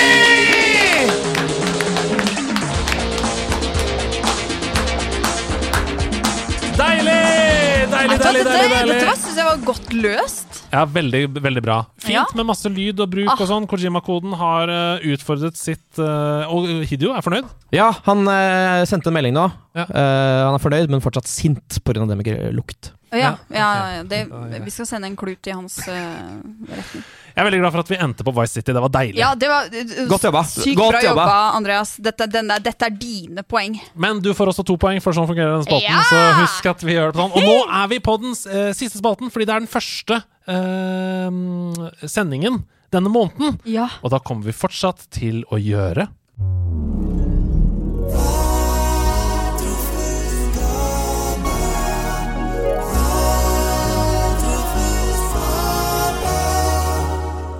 Det stemmer. Vi skal fortsette å skrive troféskap i den første episoden der vi er tre programledere hver måned. Og Hasse, du har meldt deg frivillig, og det er helt eh, strålende. Det er ikke så mange troféskap fra deg i dette universet. Altfor få har vi fått tilbakemelding om. eh, derfor kommer jeg nå til å gjøre noe med det. Det var egentlig det Hidio Kojima sa i intervjuet. Det var det han trengte. Og for å løse dette troféskapet så trenger jeg litt eh, bakgrunnsmusikk. Har, har du et eller annet, Andreas? Åh, dette liker jeg! Sommerferie. Det er noe magisk med denne tiden av året, er det ikke? Lange dager der du utforsker nye steder, opplever fremmede kulturer, smaker eksotiske retter. Frihet. Men uansett hvor bra ferien har vært, så vil jeg påstå at ingenting jeg opplever der ute, kan overgå en viss følelse. Øyeblikket jeg returnerer hjem. Og med hjem mener jeg egentlig PlayStation 5. Borte bra, men hjemme best burde forandres til borte bra, PS5 er best. For ingenting kan slå synet av den skinnende futuristiske formen av min japanske doning, med sine elegante kurver og det diskré blå lyset som forsiktig pulserer som et lojalt fyrtårn i min lille stue. Mens jeg rusler gjennom gatene i Barcelona, mens jeg svelger fem kuler med gelato i Roma, eller mens jeg bestiger skyskraperne i Tokyo City, er det alltid et lite hjørne av tankene mine som gleder seg til å returnere til den komfortable, velkjente verdenen av Last of Us, God of Wars, Overwatch og NAC 2. Er det overfladisk? Kanskje. Men jeg kan ikke noe for det. Det er noe beroligende, ja, til og med noe angstdempende over den lille vibrasjonen i kontrolleren når jeg starter et nytt spill etter å ha vært borte lenge. Jeg skal tilbake til en verden hvor alt gir mening, hvor alle utfordringer har en løsning, og hvor jeg, til tross for de utallige fiendene jeg måtte møte, alltid ender opp som helten. Et sted jeg derimot ikke ender opp som helten, er på restauranten Downtown Grill i sommerbyen Split, fordi jeg dreit ned doen etter å ha spist calamari og glemte å trekke opp. Men jeg vil ikke gå mer inn på det, fordi nerdelandslagets lyttere, ifølge en undersøkelse vi gjorde i vår, ikke verdsetter historier om bæsj. Så tilbake til kåseriet. For når jeg tenker på det, er det ikke så forskjellig å ha en PS5 som det er som å ha en hund eller en katt som venter på deg når du kommer hjem fra ferie. Den eneste forskjellen er at i stedet for å bli møtt med halen i sving og ivrig bjeffing, blir jeg møtt med, de deilige, eh, med det deilige lille pipet som maskinen gjør når jeg trykker på på-knappen på kontrolleren. Så ja, neste gang du ser meg pakke kofferten klar til å utforske verden, vit at en del av meg allerede lengter etter den første kvelden tilbake. Den kvelden når jeg igjen vil krype opp i sofaen, gripe kontrolleren og dykke tilbake inn i min kjære PlayStation 5s verden. Fordi for meg, uansett hvor spektakulære severdighetene jeg har sett på min reise har vært, vil alltid mitt gjensyn med frøken PlayStation være det eneste som når fem av fem på TripAdvisor.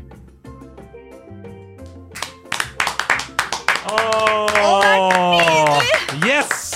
Og det er så deilig med gøy troféskall! Ja. Jeg ler og koser meg. Og så har du helt rett. Å komme hjem Ja. til spillkonsollen sin. Mm. Å, det er så digg! Hallo! Frøken PS5. Frøken PS5. Jeg tok ikke med meg Frøken PS5 på hytta i år. Um, så det vil si at da jeg kom hjem, så er det sånn For i sommer så skal man spille nye spill, og vi skal Mm. anmelde og sånn. Men det å komme tilbake, fyre opp Overwatch 2, eh, bantre litt med Lady Poo ja. Det var deilig, altså.